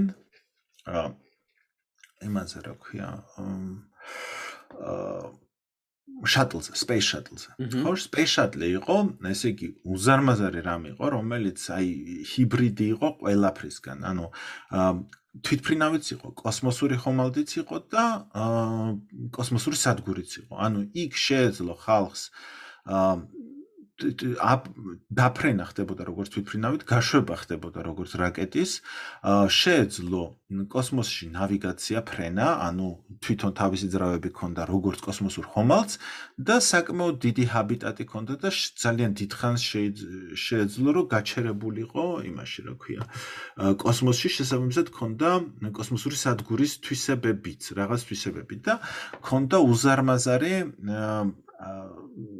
ტრანსპორტ ბეი, ანუ შეეძლო შიგნით რაღაცების გატანა. ხო, ანუ გადაეტანა რაღაცეები, ან ან რაც ყველაზე მნიშვნელოვანია, ჩამოეტანა. ანუ შეეძლო რაღაცები კოსმოსში დაეჭირა და ჩამოეტანა უკან, ხო? აა ძალიან ძლიერი რაღაცა იყო და მაგაზე დებდნენ ძალიან დიდ ფსონს. შესაბამისად, ესეთი კოსმოსური სადგურის საჭიროება არ ქონდა. ანუ ფაქტიურად შეეძლოთ ნებისმიერ დროს გასულიყვნენ კოსმოსში და რაღაც დიდხანს იქ დარჩენილიყვნენ, ხო? ხო და მაგ დროს რუსებმა დაიწყეს ამ მირის მშენებლობა, რაც ძალიან დიდი წარმატება იყო ჩემი აზრით და ძალიან ბევრი ტექნოლოგიური ინოვაცია ჩადეს მაგ მირში. და დაიწყო საბჭოთა კავშირმა ნგრევა, ხო? და ამ საბჭოთა კავშირის ნგრევასთან ერთად, ხო, ეს მთელი საბჭოთა კოსმოსური პროგრამა აღმოჩნდა უპატრონო, იმიტომ რომ ახლად შექმნილ რუსეთის ფედერაციას, რომელსაც ეს ყველაფერი შეეტენა, საერთოდ არ ჰქონდა მაგის ფული რა და იელცინს უნდა ეკონომიკური რეფორმების ჩატარება, რა ვიცი, მე ზრუნავდა თავის დანგრეულ ეკონომიკაზე, თავის ხალხზე და საერთოდ არანაირი სურვილი არ ჰქონდა უამრავი ფული ჩაეყარა ამ კოსმოსურ მანქანაში, ხო? ხო და შეიქმნა იმის რისკი, რომ ეს მთელი სპეციალისტები და ამშეულები გაიქცეოდნენ დასავლეთში. არა, დასავლეთში რომ გაქცეულიყო რა უჭირდა. გაიქცეოდნენ ჩრდილო კორეაში, ირანში და ეგეთ საშინელ ქვეყნებში. აა უпростоრ თვითონ კი არ გაიქცეოდნენ, არამედ მათ ასე ვთქვათ დაავერბოვკებდნენ, წაიყვანდნენ რა. ხო და მაგის მაგის თავიდან ასაცილებლად რა ვქნათ, რა ვქნათო და ამერიკელებმა თქვეს, რომ მოდიო ესეთი რაღაც გავაკეთოთო, გამოვყოთ როსკოსმოსი, გამოყოთ როსკოსმოსიო ცალკე ორგანიზაცია, დავიწყოთ ამ როსკოსმოსთან თანამშრომლობაო და მილიონების ჩატენვა დაიწყეს ამ როსკოსმოსში და ასე ვთქვათ და მირის მირის პროგრამას ჩაერთვნენ. ხო? აი მირის პროგრამაში ჩართვა გულისხმობდა იმას, რომ ამერიკელი და საერთოდ ამერიკელი ასტრონავტები ადიოდნენ, იქ მირზე რჩებოდნენ, ამათთან თანამშრომლობდნენ და ერთ-ერთი მთავარი იყო, რომ ეს საიუსის რაკეტები და საიუსის კოსმოსური ხომალდები, ორივე საიუსი ქვია და მაგიტომ არის ცოტათი დამაბნელებელი, დამაბნეველი, ხო? აა აა ამეთი ამათი წარმოების კონვეიერი იყო. ანუ კონვეიერი რას ნიშნავს, რომ ყოველ 6 თვეში ერთხელ ერთი საიუზი ადიოდა ზემოთ და აგრეთვე იყო საიუზის ვარიანტი, რომელსაც ქვია პროგრესი, რომელიც დღემდე არსებობს, რომელიც არის ეს კარგო რა, ანუ ტვირთი აქ ქონდა ზემოთ რა და სულ იყო ამის აი მირის მომარაგებაზე მუშაობა ეს მომარაგება რო ყოფილიყო, ასე ვთქვათ, უწყვეტი, ხო? აი არსებობდა პაიპლაინი და ამაში იყო, ასე ვთქვათ, რამოდენიმე ათეული უწყვეტად ხდებოდა ამ საიუზის რაკეტების აა რაკეტების კოსმოსური ხომალდების და პროგრესების დამზადება რა. ხო და ეს ხაზი, ეს წარმოების ხაზი რო არ გაჩერებულიყო, თქვენს რომ მოდი მირი ვაწარმოოთ. აგრეთვე ამერიკელებმა დააფინანსეს მირის ახალი მოდულის შექმნა და ეს მოდული აიღეს, აიყვანეს ზემოთ მიაერთეს ამას და თვითონ ამერიკელებიც დადიოდნენ იქ ექსპერიმენტებს ატარებდნენ და ეს ახალი მოდული რომელიც ამერიკელებმა დაამზადებინეს, ხო? ეგ იყო ფაქტიურად აა ამერიკელების ამერიკელებზე მორგებული რა, ანუ ამერიკელები იქ ცხოვრობდნენ და იქ ატარებდნენ თავის ექსპერიმენტებს, ანუ თავისი მოდული ქონდათ ფაქტიურად თავისი ოთახი მიიღეს მირში ამერიკელებმა. ხო და მირის დასასრული შემიძლია მე მოგიყვა საკმაოდ ტრაგიკული და სიცილო დასასრული აქვს. მართლა? როგორი დასასრული ქონდა? აა ესე იგი ერთ ჩვენიერ დღეს ხო ამ მირს თავისთავად პრობლემები ქონდა რა. ანუ პრობლემები ძირთადად ორი იმისი რა ქვია ვენტილაციის და ვენტილაციის და ტემპერატურის და წყლით მომარაგების სისტემებთან იყო დაკავშირებული რა. ანუ მირში რო შედიოდით ყარდა, ანუ სუნი იყო, რომელსაც ძალიან შეგუება ჭირდებოდა რა ასტრონავტები ლაპარაკობდნენ მაგაზე. რატო ყარდა ხა მთელ ვენტილაციის სისტემებში დასახლდა ბაქტერია რა, ანუ ფაქტიურად სოკოთუ ბაქტერია რა, რომელიც აა ყარდა, ხო და ვერანაირად ვერ წმენდნენ და ვერ იშორებდნენ თავიდან რამოდენიმე მცდელობა ჰქონდათ. ხო და მე რეიფიქრეს რომ ნუ იყოს მაგის ჯანდაბას ადამიანის ჯანმრთელობისთვის არ იყო ასე ვთქვათ საშიში, მაგრამ ნუ ეს რაღაცა შმურის მიეჩვენენ ასე ვთქვათ. ხო, შმურის სუნს მიეჩვენენ. ეგ ერთი იყო და მეორე ტემპერატურის კონტროლის პრობლემები ჰქონდათ და ელექტროენერგიის წარმოების პრობლემა ჰქონდათ რა. ანუ ის მზის ბატარეები, რომლებიც ჰქონდა მირს, საკმარისი არ იყო რა, ენერგომომარაგების სისტემა არ იყო მაგაზე გათვლილი რა.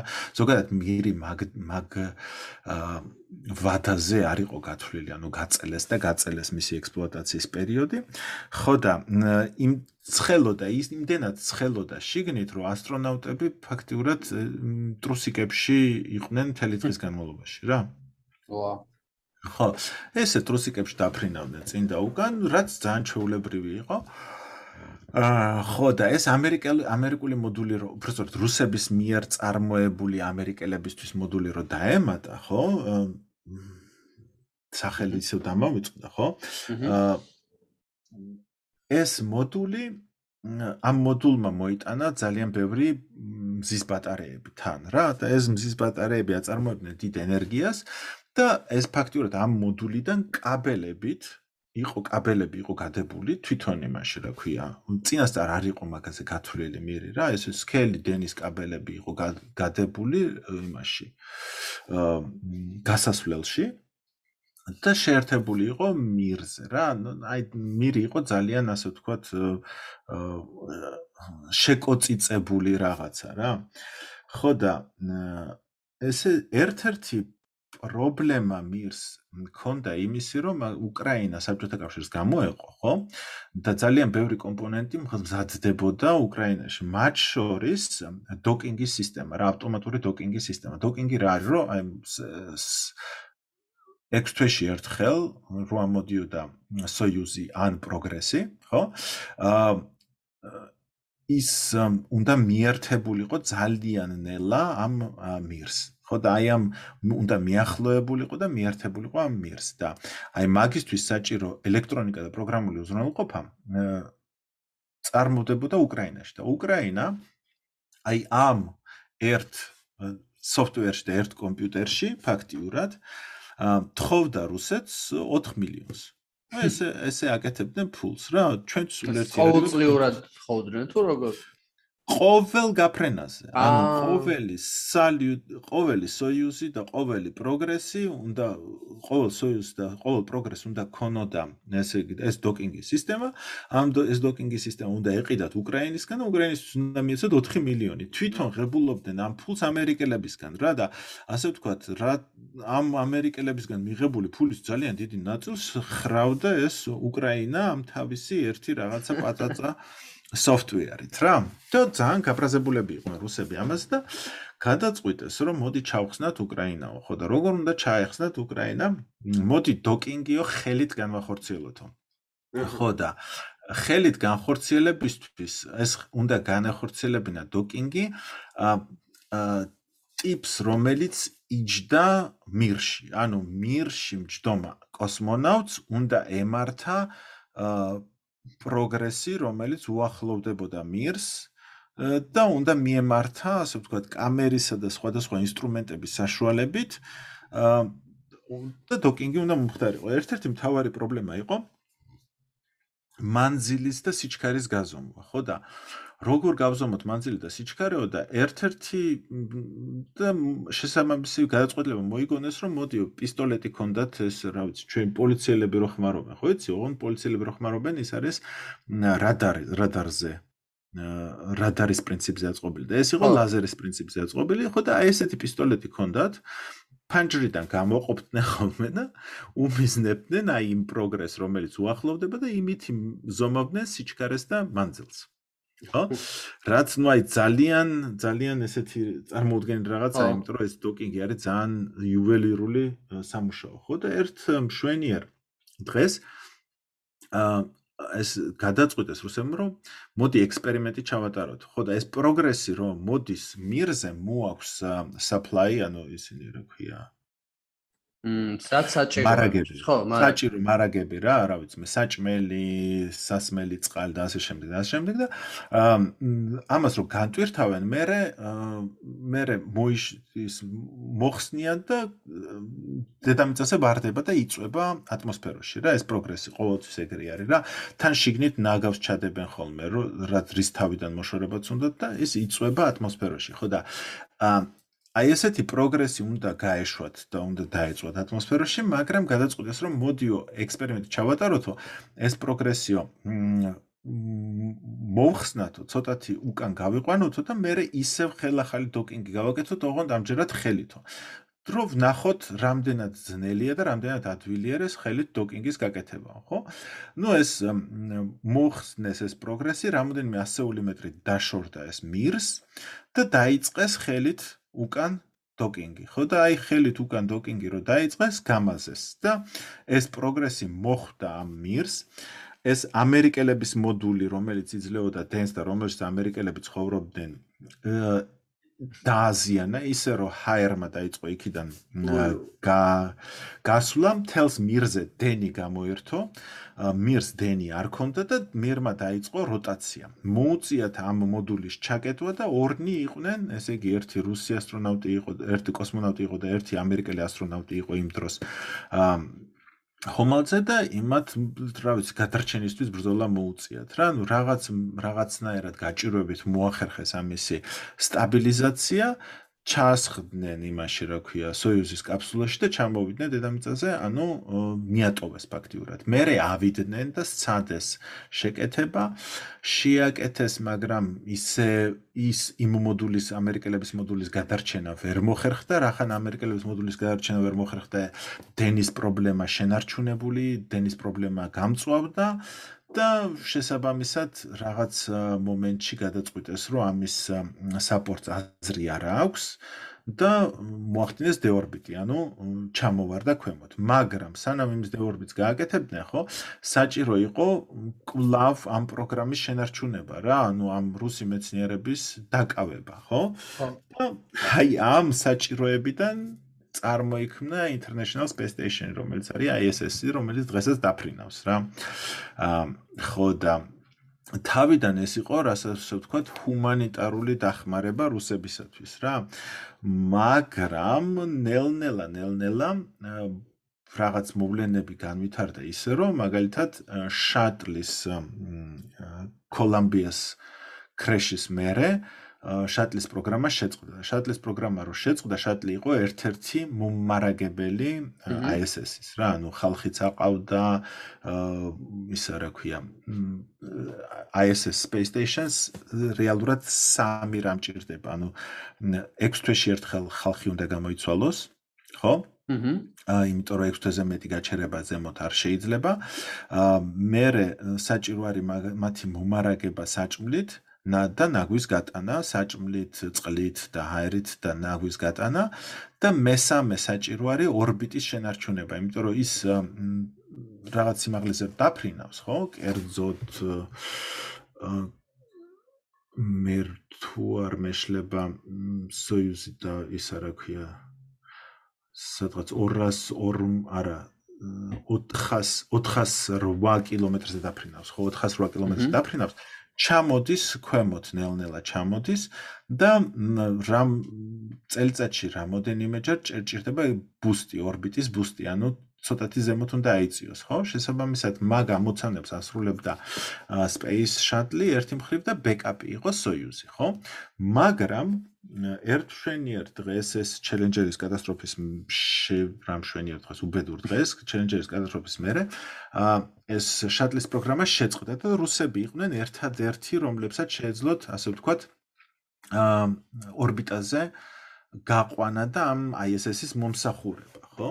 და აი რო შეხედო ISS-ის მომსახურების ღირებულებას ხო? აა დამდიდი ხო 2006 წელს იყო თითო გაფრენა თითო ადგილის ანუ ასტრონავტის გაყვანა ჩამოყვანა 25 მილიონი და 2000 18 წელს 2018 წელს იყო 81 მილიონი და 2018 წლის მერე უბრალოდ მონაცემები აღარ არის იმიტომ რომ რაღაც გააფრინეს რუსებმა დაიწყეს რაღაც ასობით მილიონის აღება ამერიკელი და ევროპული ასტრონავტების გაშვებისთვის რა. ნუ ამ გაშვებაში რა თქმა უნდა ტრეინინგი შედიოდა და ასე შემდეგ და ასე შემდეგ მაგრამ ნუ დაიწყეს ამაზე ფულის კეთება რა ამ როსკოსმოსმა და შესაბამისად დღეს ეს შესაძლებლობა გამოეცალათ ხო და დღესდღეობით ხო, შემოდის მასკის ფაქტორი, ხო? ანუ შეგვიძლია თქვა ილონ მასკის ფაქტორი, ხო? კი, კი, კი, მან ასე ვთქვათ, შემოდის ამერიკული სტრატეგია, რომლებმაც თქვეს, რომ მოდი ასე ვთქვათ, NASA-ს NASA-ს როგორც მწარმოებლის და ოპერატორის როლი, ანუ მწარმოებელი არის ის, ვინც ასე ვთქვათ, ამას ამზადებს რა და ოპერატორი და მწარმოებელს როგორც წესი ყავს სუბკონტრაქტორები რა. ხო და ოპერატორი არის ის, ვისაც ეკუთვნის ეს კოსმოსური ხომალდი და და მის ტრეინინგზე, გაფრენაზე, დაჯდომაზე, ხალხის გადარჩენაზე, ხალხის გამოყვანაზე და ასე შემდეგ პასუხისმგებელი არის რა. ხო და ადრე მწარმოებელიც ისე იგი ოუნერიც და ოპერატორიც იყო NASA. ხო და მაგ სტრატეგიიდან გადაუხვეს და თქვეს, რომ კერძო კომპანიები იყვნენ მწარმოებლებიც, ოპერატორებიც და ასე ვთქვათ, პატრონებიც და SpaceX-ი იყო ერთ-ერთი და შესაბამისად დააფინანსეს რამოდენიმე მიმართულება, ხო და დღესდღეობით ასე ვთქვათ, ეგრეთ წოდებული crew capability, ანუ კოსმოსში ხალხის აყვანის, ასტრონავტების აყვანის და უკან ჩამოყვანის საშუალება აქვს SpaceX. აა ეს არის რაკეტა Falcon Falcon 9 და Dragon, Crew Dragon. არსებობს cargo dragon. ანუ cargo dragon-ი არის ერთი რასაც გადააქვს, ხო? ერთი რასაც გადააქვს progress-ის ეკვივალენტი და crew dragon-ი არის soyuz-ის ეკვივალენტი, რომელსაც ხალხი აყავს, მაგრამ ბევრად უფრო მეტი ადამიანის აყვანა შეუძლია, არის ჩეულებრივი კოსმოსური ხომალდი რა. აა და მაგრამ წესით ორი უნდა ყოფილიყო იმისთვის რომ ამერიკელებს ბეკაპი ქონოდათ რა. ანუ ერთ კერძო კომპანიაზე ჩამოკიდება არა არასდროს არ არის კარგი იმიტომ რომ ეს კომპანია მე მოგწველის შესაბამისად. აა ცდილობდნენ რომ ბოინგსაც გაევითარებინა რა და ბოინგმა თავიდან პროგრამას ერქვა SLS-ი და ეხა აა ეხლა ქვია აა მეც არა ქვია იმათ თუმცა ბეზოსაც ხო უნდა მაგ მაგ ბიზნესში ხო ჯეფ ბეზოსაც ხო უნდა ანუ ამ ბიზნესში შემოსვლა როგორც ვიცი. მე არ ვიცი ხა ბეზოს მაგ ბიზნესში უნდა შესვლა თუ არა ანუ ISS-ის მომარაგების ბიზნესში თუ უნდა თუ არა შესვლა მაგრამ მთვარის ბიზნესზე გააკეთა დიდი განაცხადი და და უარი უთხრეს. მიუხედავად იმისა რომ მისი პროექტი ძალიან სერიოზული და გააზრებული იყო და შესაძლოა Blue Origin-ზე არის ლაპარაკი და ეხლა უჩივლა NASA-ს რა, მაგრამ ISS-ის მომარაგების ბიზნესში უცნობი არის ეხლა გეტყვი რატომ, ხო? იმიტომ რომ ესე იგი არის ყოველთვის რამოდენი ეს კომპონენტები არის რა, ანუ კომპონენტი, ერთი კომპონენტი არის თვითონ რაკეტა, რა, ბუსტერი. და მეორე კომპონენტი არის კოსმოსური ხომალდი. და კოსმოსურ ხომალდს კიდე აქვს სუბკომპონენტა, რომელიც არის კაფსულა. ეს კაფსულა არის სადაც ადამიანები შედან, რომელმაც უნდა გააკეთოს რეენტრი, ანუ რომელიც უკან უნდა დაბრუნდეს. ხო და ამ კაფსულისადმი არის ძალიან სერიოზული მოთხოვნები რა, ანუ მოთხოვნები მდგომარეობს იმაში, რომ აა ადამიანების მაგალითად launch abort სისტემა უნდა არსებობდეს, ანუ თუ რაკეტა გაშვების მომენტში რაღაცა ცეცხლი წაიკიდა ან რაღაცა ადამიანები უნდა გაისროლოს და გადაარჩინოს რა, როგორც აი eject city არის ხო თვითფრინავებში ეგეთი რაღაცა უნდა გქონდეს. მაგალითად უნდა იყოს სერტიფიცირებული re-entry და დაჯდომა, მაგალითად და ასე შემდეგ. ანუ აი ამ ნახტომი კარგოდან კრიუზე, ხო, არის ძალიან დიდი. მითუ სერტიფიკაციის მხრივ რა, იმიტომ რომ კარგო რო ჩამოვარდეს დიდი არაფერია რა და ადამიანები თუ დაიღუპებიან ძალიან ცუდია და შესაბამისად აი ამ სერტიფიკაციის სერტიფიკაციის საჭი სირთულე თავის თავზე ბევრი კომპანია ვერ აიღებს და თან ეს კიდევ არის NASA-სთვისაც არის ძალიან დიდი სამუშაო. შესაბამისად, NASA მე მგონი გაჩერდება ორ spaceship-ზე, ერთი იქნება Starliner-ი Boeing-ის და მეორე არის აა მეორე არის Crew Dragon-ი, მაგრამ Starliner-ს დღეს ძალიან დიდი პრობლემები აქვს. სხვა შორის, კარგო კარგო შესაძლებლობები სხვებსაც აქვთ. ანუ Cygnus-ი არის ამერიკული, არსებობს ისა ევროპულიც და ამერიკულიც, ანუ მომარაგების პრობლემა არ იქნება რა. ხოლო კარგო ბიზნესში მე მგონი ყველას შემოუშვებენ. უბრალოდ აი ამ crew ბიზნესში მე მგონი ამ ორის გარდა მე ვერ ხედავ სხვას ჯერჯერობით რა. ნუ თან ისიც არის ალბათ მასკის შემთხვევაში, რომ უფრო ახერხებს ამ ყოველფრის გაპიარებას კარგად. ანუ აი რაღაც მასიურად აი ისეთი ადამიანის ვინც მაგალითად შეიძლება საერთოდ ვერ ერკვეოდეს დეტალებში კი არა და საერთოდ თან შორს იყოს ზოგადად კოსმოს თემასთან დაკავშირებით, ნუ მასკი ყოველს მენია მაინც და ის რაღაცა მასკს უნდა რომ რაღაც ამ ამ კუთხით რაღაც თავისი სწულ შეიტანოს ამბროს მე და მე მგონია რომ ეგ ფაქტორიც მუშაობს ამასთან ერთად რა რაღაც კი კი კი აბსოლუტურად ანუ მასკმა მოახდინა ამ თემის ძალიან დიდი პოპულარიზაცია. ანუ რა გააკეთა რომ ესლა გაუშვა კოსმოსში და მოკლედ თელი ამბავი და შეიძლება ითქვას რომ ხო ხო ანუ ჩეულებრივ ხალხს და აი ამ მილენიუმის თაობას უთხრა რომ იცით რა ეს ეს არ არის რთული რაღაცა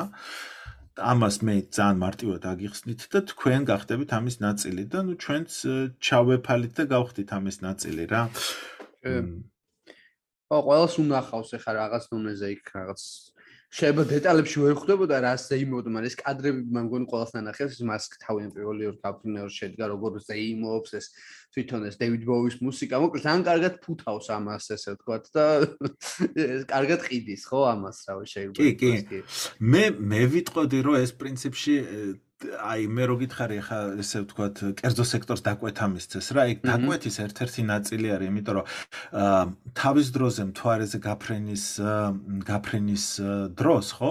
ეს publicity ის აკეთებდა NASA და სახელმწიფო რა ანუ სახელმწიფო ტრანსლაციები იყო მთვარეზე დაჯდომის პირდაპირი და ხალხი ძალიან ჩართული იყო და ასე შემდეგ და ასე შემდეგ და ამას სახელმწიფო იღებდა თავის თავზე და ეხლა ბიზნესი მისცეს ასე ვთქვათ კერძო კომპანიებს და კერძო კომპანიებს აგრეთვე გადასცეს ამ ამის დაპიარების დაკვეთაც ავტომატურად რა შესაბამისად ძალიან კარგი არის, რომ ეს ბაინი არსებობს და მაგაში ინვესტიციები ხდება და ხალხი დაინტერესებული არის რა, თორე იმას რა ქვია. აა აი იმის დროს ჩელენჯერის და მერე კოლუმბიას კატასტროფის მერე ძალიან скеპტიკურად იყო ხალხი ზოგადად კოსმოსისადმი განწყობილი რა. კი, კი, და ნუ აქ ხა ესე იგი შეიძლება ითქვას, რომ ან თუ იყო თავიდან რაღაც ესე რომ ვთქვათ, ან რაღაც თავიდან თუ დაიწყო იმით ეს რაკეტების თემა მოკლედ რომ იყო მეორე მსოფლიო ომი და ამან ესე თქვა დაბუსთა რაღაც დონეზე ხო ამის განვითარება. შემდეგ უკვე იყო ცივი ომი რომელმაც ასევე დაბუსთა ამაზე ვისაუბრეთ რეალურად. და ნუ რაღაც ეტაპი მაინც ალბათ იყო სადაც შედარებით პასიურად იყო ხო ეს თემა პასიუ პასიური იყო იმიტომ რომ როდესაც ესე თქვა აა საბჭოთა კავშირი დაიშალა და ისედაც ბოლო წლებში მხელ კონკურენცია მაინც აღარ იყო და ნუ ამ ხრივად და ალბათ რაღაც დონეზე იმოქმედა ხო და ეხა შევედით რეალურად რაღაც სხვა ეტაპზე ხო? გარდა იმისა რომ ახლა ახსენეთ კერძო სექტორი SpaceX SpaceX-ი Blue Origin-ი Virgin Galactic-ი რა ვიცი ამასთან ერთად არის კიდე ჩინეთის ფაქტორიც რომელიც რა ძალიან გააქტიურდა და მისიას მისიაზე გეგმავს და მე მგონი რაღაც ახალი კონკურენციის ეტაპი დაიწყო ჩინეთსა და ამერიკას შორის ხო ამ ხრივას და აა არ ვიცი ანუ ისე გამოდის ყოველ შემთხვევაში ამ მოცემულობაში ისე გამოდის ჩემი აზრით რომ თუ არ არის რაღაცა მხარეებს შორის კონკურენცია წმინდა სუფთა ესე ვთქვათ ფილანტროპული და იმით რომ რა მოდი უბრალოდ მეცნიერული კუთხით ავითვისოთ ეს ყველაფერი არის ბუსტება იმ იმ დონეზე ხო ალბათ მაინც და რაღაც ეს რაღაცა ფაქტორები საჭიროა და ალბათ თამაშობს თავის როლს აუც ხო. არ მართალი ხარ ხო. სხვათა შორის ძალიან მინდა მე არ გამოგვრჩეს და იმას რა ქვია Blue Origins და Virgin Galactic-ს დაუბრუნდეთ რა იმიტომ მანდ საინტერესო რაღაცები ხდება და აა მაგრამ ხო ეხა ჩინეთ ჩინეთზე რა რა გვაქვს სათქმელი ჩინეთის კოსმოსური პროგრამა ხო ძალიან ძალიან ჩამორჩენილი იყო რეალურად სადღაც 10-15 წლით ჩამორჩენილი იყო საბჭოთა და ამერიკულ პროგრამას, მაგრამ ყოველთვის მიმდინარეობდა რა.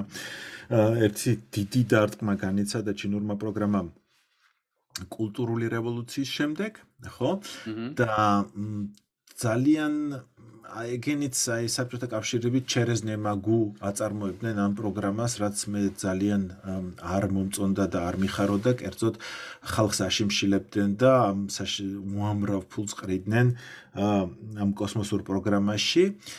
და ეგ ვექტორი შეიცვალა იმის, რა ქვია, მაოძედუნის წასვლის მერე და დენცაოპინის მოსვლის მომენტში აა აქცენტი გაკეთდა ეკონომიკაზე, ხო? და როდესაც ეკონომიკა ამოიქაჩა, მეરે დაიწყეს, ასე ვთქვათ, კოსმოსში ფულის ჩასხმა თან ისე უაზროდ არა რაღაცა პოლიტიკური წარმატებების მხრივ მარტო, არამედ კომერციულ პროექტებშიც დაიწყეს და სამხედრო პროექტებში დაიწყეს ჩასხმა, სატელიტები გააკეთეს, მაგალითად, ნავიგაციის სისტემა გამართეს, რომელიც ძალიან კარგია. ეხა არსებობს ნავიგაციის სისტემა შედგება უამრავი სატელიტისგან, რომელიც მაღალ ორბიტაზე კიდია. და მოძრაობს, ხო? და პირველი იყო რა თქმა უნდა GPS-ი, მერე გააკეთეს რუსებმა GLONASS-ი და ევროპელებმა გააკეთეს Galileo რა. და ესე იგი ჩინელებმა გააკეთეს თავისი ბაიდუ, ხო? რატო არის რო თითოეული თითოეულს რატო ჭირდება თავისი ნავიგაციის სისტემა რა თითქოს რატო არ შეგიძლია სხვისი გამოიყენო იმიტომ არ შეგიძლია რომ ეგ ესე იგი სიგნალების ცვლილებისა და დაშიფრვის ხარზე შეგიძლია სამხედრო მოქმედებების პერიოდში GPS კოორდინატების გაყალბება. ხო. ან საერთოდ გამორთვა რა.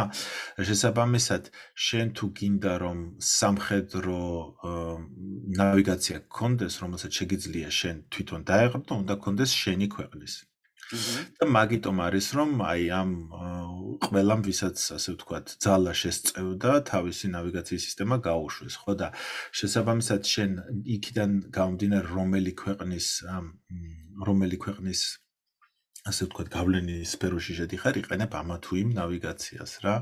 აა და ნუ ესე იგი ჩინეთის ნავიგაციას ბაიდუს იყენებენ ახლა, რა ვიცი, აზიის რამოდენიმე ქვეყანა, მე მგონი პაკისტანის გავიდა, გადავიდა ბაიდუზე. როგორც ასე ვთქვათ, სამხედრო დანიშნულება, ისევე კერძო დანიშნულება აქვს. ეხა მაგალითად Starlink-ი რო გაუშვეს ამერიკის SpaceX-მა, ჩინელებმა შესაბამისი პროგრამა გაუშვეს. დაზვერვის სატელიტები აქვთ, ამინდის სატელიტები აქვთ. აქვთ, ანუ მაგ სატელიტების ამბავზე ძალიან დიდი ინვესტიციაა საკეთებენ და პარალელურად ეხლა მუშაობენ კიდე კოსმოსური სადგურის შექმნაზე, თავისი კოსმოსური სადგურის შექმნაზე, იმიტომ რომ ASS-დან გააგდეს ეგენი. ანუ დიდი ინტერესი თავიდან არ ქონდათ, უფრო სწორედ თავიდან არ მიიღეს და უთხრეს, რომ თქვენ იმდენ ჩამორჩენილები ხართ, რომ თქვენი მონაწილეობას აზრი არ აქვსო. მერე ჩინელებმა, ასე ვთქვათ, სურვილი, ფრთხილი სურვილი გამოთქვეს, მაგრამ 2011-ში კონგრესმა მიიღო გადაწყვეტილება, რომ ესე ვთქვათ, ტექნოლოგიიდან ჩაეხსნათ ჩინეთი და არანაირი მონაწილეობა საერთო პროექტებში არ ყოფილიყო, რატომ? იმიტომ რომ ორი მიზეზის გამო გამო რეალურად ერთი იყო ასე ეგრეთ წოდებული შპიონაჟი, ინდუსტრიული შპიონაჟი და მეორე იყო აა მეორე იყო არა გამჭვირვალობა, ანუ გამჭვირვალობა ინდუსტრიული შპიონაჟი უამრავი შემთხვევა იყო, როდესაც ესე ვთქვათ ჩინეთ ჩინეთი დაჭერილი იყო, ასე ვთქვათ საკმაოდ ნაგლად ტექნოლოგიის მოპარვაში და კოპირებაში და თქვეს რომ თქვენთან საქმის დაჭერა არ გვინდაო რა და იმის გამჭვირვალობა რას ნიშნავს ახლა მაგალითად როსკოსმოს როსკოსმოს NASA არის საზოგადოებრივი ორგანიზაცია, ანუ ის საზოგადოებრივი სახელმწიფო ორგანიზაცია, ისე რა ვიცი, როგორც რომელიღაც სამინისტრო და ანგარიშვალდებული არის მოქალაქისადმი. ანუ ყოველი დახარჯული ცენტი, ყოველი პროექტი ზოგ ზოგადად მაინც უნდა აღირიცხოს და საიდუმლო რომც იყოს მოქალაქემ უნდა იცოდეს დაახლოებით რა ხდება რა მაგალითად ყველა გაშვება უნდა იყოს წინასწარ გაცხადებული რა. ანუ ჩამოვარდება არ ჩამოვარდება წინასწარ უნდა იყოს გაცხადებული და უნდა იყოს გამჭვირვალე. რა მოკლედ რაც ჩვენ გვესმის გამჭვირვალებაში ეგ თვისება უნდა კონდეს სხვა როსკოსმოს მაშინ დაუსვეს გამჭვირვალობის პირობა და როსკოსმოსი მეტნაკლებად ასრულებს მათ პირობას, ანუ ვერ ვერ იტყვირო არასრულებენ საერთოდ რა. ხო და ჩინელებსაც უთხრეს რომ თქვენთან თანამშრომლობის ერთ-ერთი წინაპირობა არის გამჭვირვალობა და ჩინელებმა სამწუხაროდ ვერ შეასრულეს ეს და არც შეასრულეს და არც შეასრულებენ არასოდეს, იმიტომ რომ ესე არის ქვეყანა აწყობილი ზოგადად მათი ქვეყანა. მე მაგალითად აი გასაკვირი ამბავი რა, ანუ ჩვენთან იყიდება მაგალითად იმის რა ქვია, ცალკე განყოფილება არის ხოლმე ციგნების მაღაზიაში ლამაზად გაფორმებული ალბომები, აა რომელ სურათებიანი, რა ვიცი მე, აპოლოს მისიის სურათები, რა ვიცი მე, ISS-იდან გადაღებული დედამიწის სურათები, რაკეტების სურათები, ანუ space-თან დაკავშირებით მე ძალიან დიდ მუღამს უჭერ ხოლმე მაგას და რა ვიცი მე უამრავი მაქვს რა ვიცი რუსული, ამერიკული, ესა რა ქვია, საბჭოთა დროის, ევროპული ესეთი ალბომი ბაგებს ვაგროვებ რა და ჩინეთში ბევრჯერ მიწევდა ჩასვლა და რო რო ჩავდიოდი შენჯენში არის უზარმაზარი ციგნის მაღაზია და აი ყველა ციგნი არის საერთოდ რაც კი სულადაგულო გინდა რა. ხო და აი წარმოიდგინე ამ მაღაზიაში არც ერთი ციგნი არ იყო, ანუ ილუსტრირებული ესეთი ციგნი არ იყო ჩინური კოსმოსური პროგრამის შესახებ რა. ანუ სურათებიც არ ქვეყნდება, ხვდები, იმდენად დახურული და დაფარული რაღაც. ანუ ერთადერთი რასაც ღებულობ, გებულობთ ხოლმე არის ის, რაც გადის იმეებში, რა ქვია, აა ახალ ამბებში რა საკმაოდ დახურული რაღაცა არის ხო და ჩინელებმა ეხა და სამი ფოკუსი აქვს ჩინელებს ერთი არის ესე იგი space station-ის შექმნა, ანუ კოსმოსური სადგურის შექმნა. ხო და გაუშვეს მაგათმა Tiangong 1 და Tiangong 2, რომლებიც დეორბიტი მოხდა და დედამიწაზე ჩამოვარდა. ესე იგი, ISS-ი არის 408 კილომეტრზე. და ტიანგონგ 3 გაუშვეს ახლა და ტიანხე რომელიც რომელიც იქნება კოსმოსური სადგური ISS-ის მსგავსი. რომელიც არის ასე ვთქვათ საბჭოთა ტექნოლოგიის ბაზაზე შექმნილი. და ისი ფრენს 425 კილომეტრ სიმაღლეზე რა საკმაოდ მაღლა. იმაზე შედარებით მაღლა რაც ISS-ი არის, იქნება 5ჯერ უფრო პატარა, მაგრამ საკმაოდ თანამედროვე, ან ბევრად უფრო თანამედროვე ვიდრე ISS-ი, იმიტომ რომ ISS-ი უკვე დაძველდა საკმაოდ ტექნოლოგიურად, ხო? ეგ არის მაგათი ნომერი 1 პრიორიტეტი, ნომერი 2 პრიორიტეტი არის მთვარეზე ადამიანის დასმა და მთვარეზე ბაზის გახსნა და მესამე არის მარსი. ანუ ეს სამი პრიორიტეტი აქვთ და კარგად მიიწევენ სამივე მიმართულებით, მაგალითად მთვარეზე, მთვარეზე დასვეს მაგათმა ახლა მისია, რომელსაც საინტერესო რაღაც გააკეთა, აა ეს ავტომატურად ჩამოიტანა ქვები. მთვარიდან, მთვარის უკანა მხრიდან რა და ეგ იყო რა ესა რა ქვია, ბევრ ნაწილიანი სისტემა იყო. ანუ ფაქტიურად ყველა ელემენტი იმისთვის რომ ადამიანი მიიყვანო მთვარეს და უკან წამოიყვანო, ნუ აქვთ უკვე რა. იმიტომ რომ აი ქვები წამოიღეს უკან და დიდი განსხვავება არ არის ახლა ადამიანს წამოიყვანო უკან თუ ესა რა ქვია. ხო, ქვებს, მასალას. აა მარსზე დაჭდნენ ანუ ისე როგორც curiosity დაახლოებით ისევე დაჭდნენ პარაშუტით და მეორე propulsion landing გააკეთეს და იქიდან წარმატებით მონაცემებს აგზავნიან. მათი მისიები არის ცოტათი უფრო პატარა ვიდრე ვთქვათ ამერიკული მისიები ნაკლებად ამბიციური მაგრამ ყოველთვის ცდილობენ რომ რაღაც ისეთი ელემენტი ჩადონ რომელიც რომელსაც ექნება ჟღერადობა, რომელიც იქნება ესე რა ვიცი, პირველად კაცობრიობის ისტორიაში, პირველად კაცობრიობის, ანუ მართლაც პირველად კაცობრიობის ისტორიაში დაჯდნენ მეორე მხარეს. პირველად კაცობრიობის ისტორიაში ჩაიტანეს ბიოლოგიური მასალა. ნუ აი ბიოლოგიური მასალის ჩატანა სხვასაც შეეძლოთ, მაგრამ ნუ ამათმა პირველად გააკეთეს. ანუ ჩინელები ყოველთვის ეცდებიან, რომ აი ესეთი პიარი დადონ.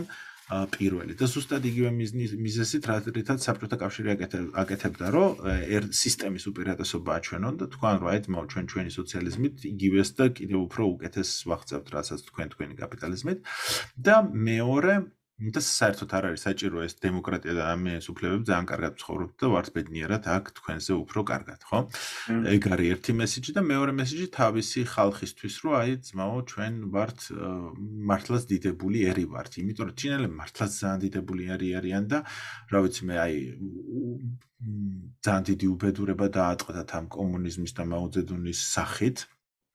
რომელმაც მათ ასე ვთქვათ თავის კულტურა ხო დაუნგრია, იდენტობა ხო დაუნგრია და კიდე თვითშეფასება დაუნგრია რა, ანუ უზარმაზარი ძალიან ძლიერი ერია, რომელსაც დაბალი თვითშეფასება აქვს, შესაბამისად კომპლექსები. ანუ წარმოიდგინე რა ვიცი მე დიდი ძლიერი ადამიანი ადამიანი რა მოჭიდავე რომელსაც თვითშეფა დაბალი თვითშეფასება და კომპლექსები აწუხებს. ნუ ეს საკმაოდ საფათო ნაერთი არის რა ხო და აი ეგეთი თვითშეფასების პრობლემა აქვს და თვითშეფასების აწევაზე მუშაობენ ყოველთვის ხო?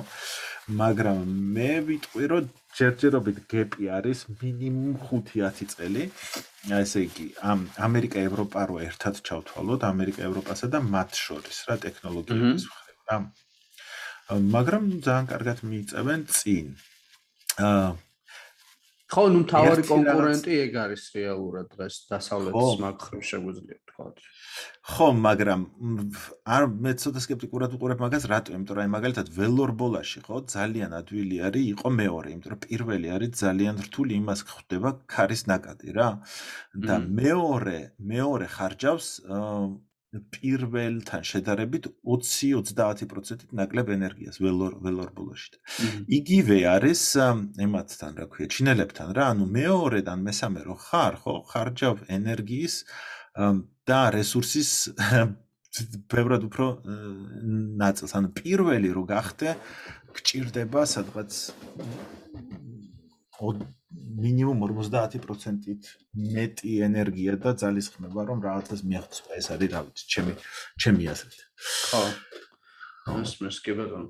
აა ხო და აი ამ ხრივ ხან ალბათ შეგვიძლია ჩვენს ბოლო ნაწილზე გადავიდეთ, რაც უკვე არის იმას საუბარი, ხო, ანუ რამდენად აი ჩინეთი ვახსენეთ, კერძო სექტორი ვახსენეთ, დასავლეთი ну რუსეთსაც რაღაც თავისი როლი კიდე აქვს ყოველ შემთხვევაში ცდილობს რომ კონდეს ხო რაღაც როლი ამ კოსმოსთან დაკავშირებით.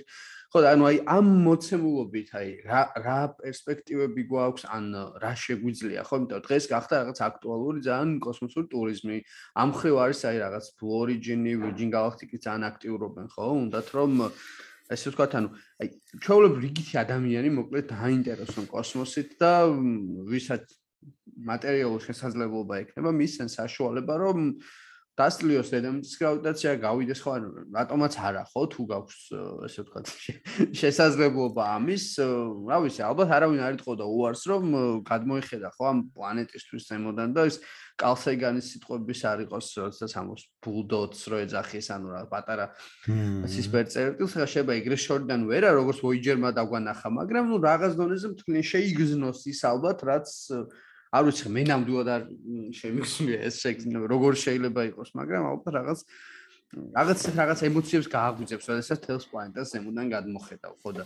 აი ამ ხრივ როგორ წარმოგიდგენია რა ანუ რა განვითარება შეიძლება გქონდეს ამ სახლო მომავალში და ნუ მე უკვე ალბათ უკვე ბოლოსკენ შეგვიძლია თქვა საერთოდ ცოტა ცოტა კიდე უფრო შორსაც რო გავიხედოთ ამ. ხრივს აუ ეხა მან ხდება რაც ხდება რა.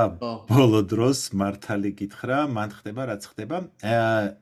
ესე შენს წორი ძალიან კარგი აქცენტი გააკეთე ანუ რა არის ასე ვთქვათ კოსმოსში გასვლის მუღამი რა. სამი მუღამი არსებობს ზოგადად რა.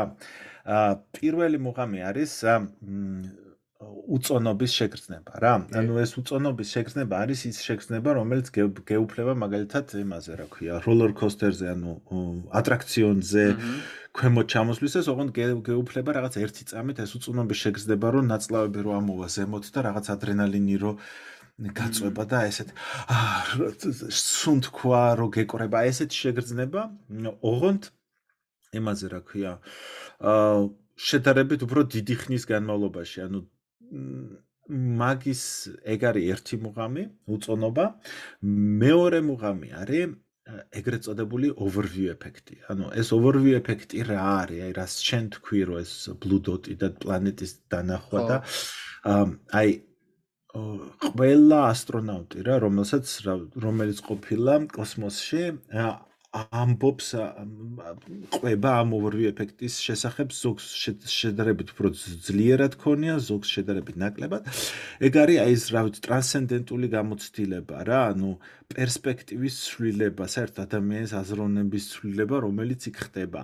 და თითქოს ვერ წარმოგვიდგენია მე და შენ ან ჩვენ ჩვეულებრივ ადამიანებს, რა ვიცი ვიდეოები გვაქვს ნანახი, ეკრანზე გვაქვს ნანახი და რაღაცა, მაგრამ თურმე შენ თვითონ რო გამოცდი ამას და რო დაინახავ პლანეტას რო რა პატარა არის, რა უმნიშვნელო არის თვითონ ის პლანეტა ზემოდან და შენ ამაზე უფრო პატარა და უფრო უმნიშვნელო ხარ და რა რამხელა არის კოსმოსი და რამხელა არის სამყარო და რამდენად ფაქიზი და სათუთი არის ეს ჩვენი პლანეტა, ჩვენი ატმოსფერო რამდენად თხელი არის, აი fragile, რასაც ქვია, ხო?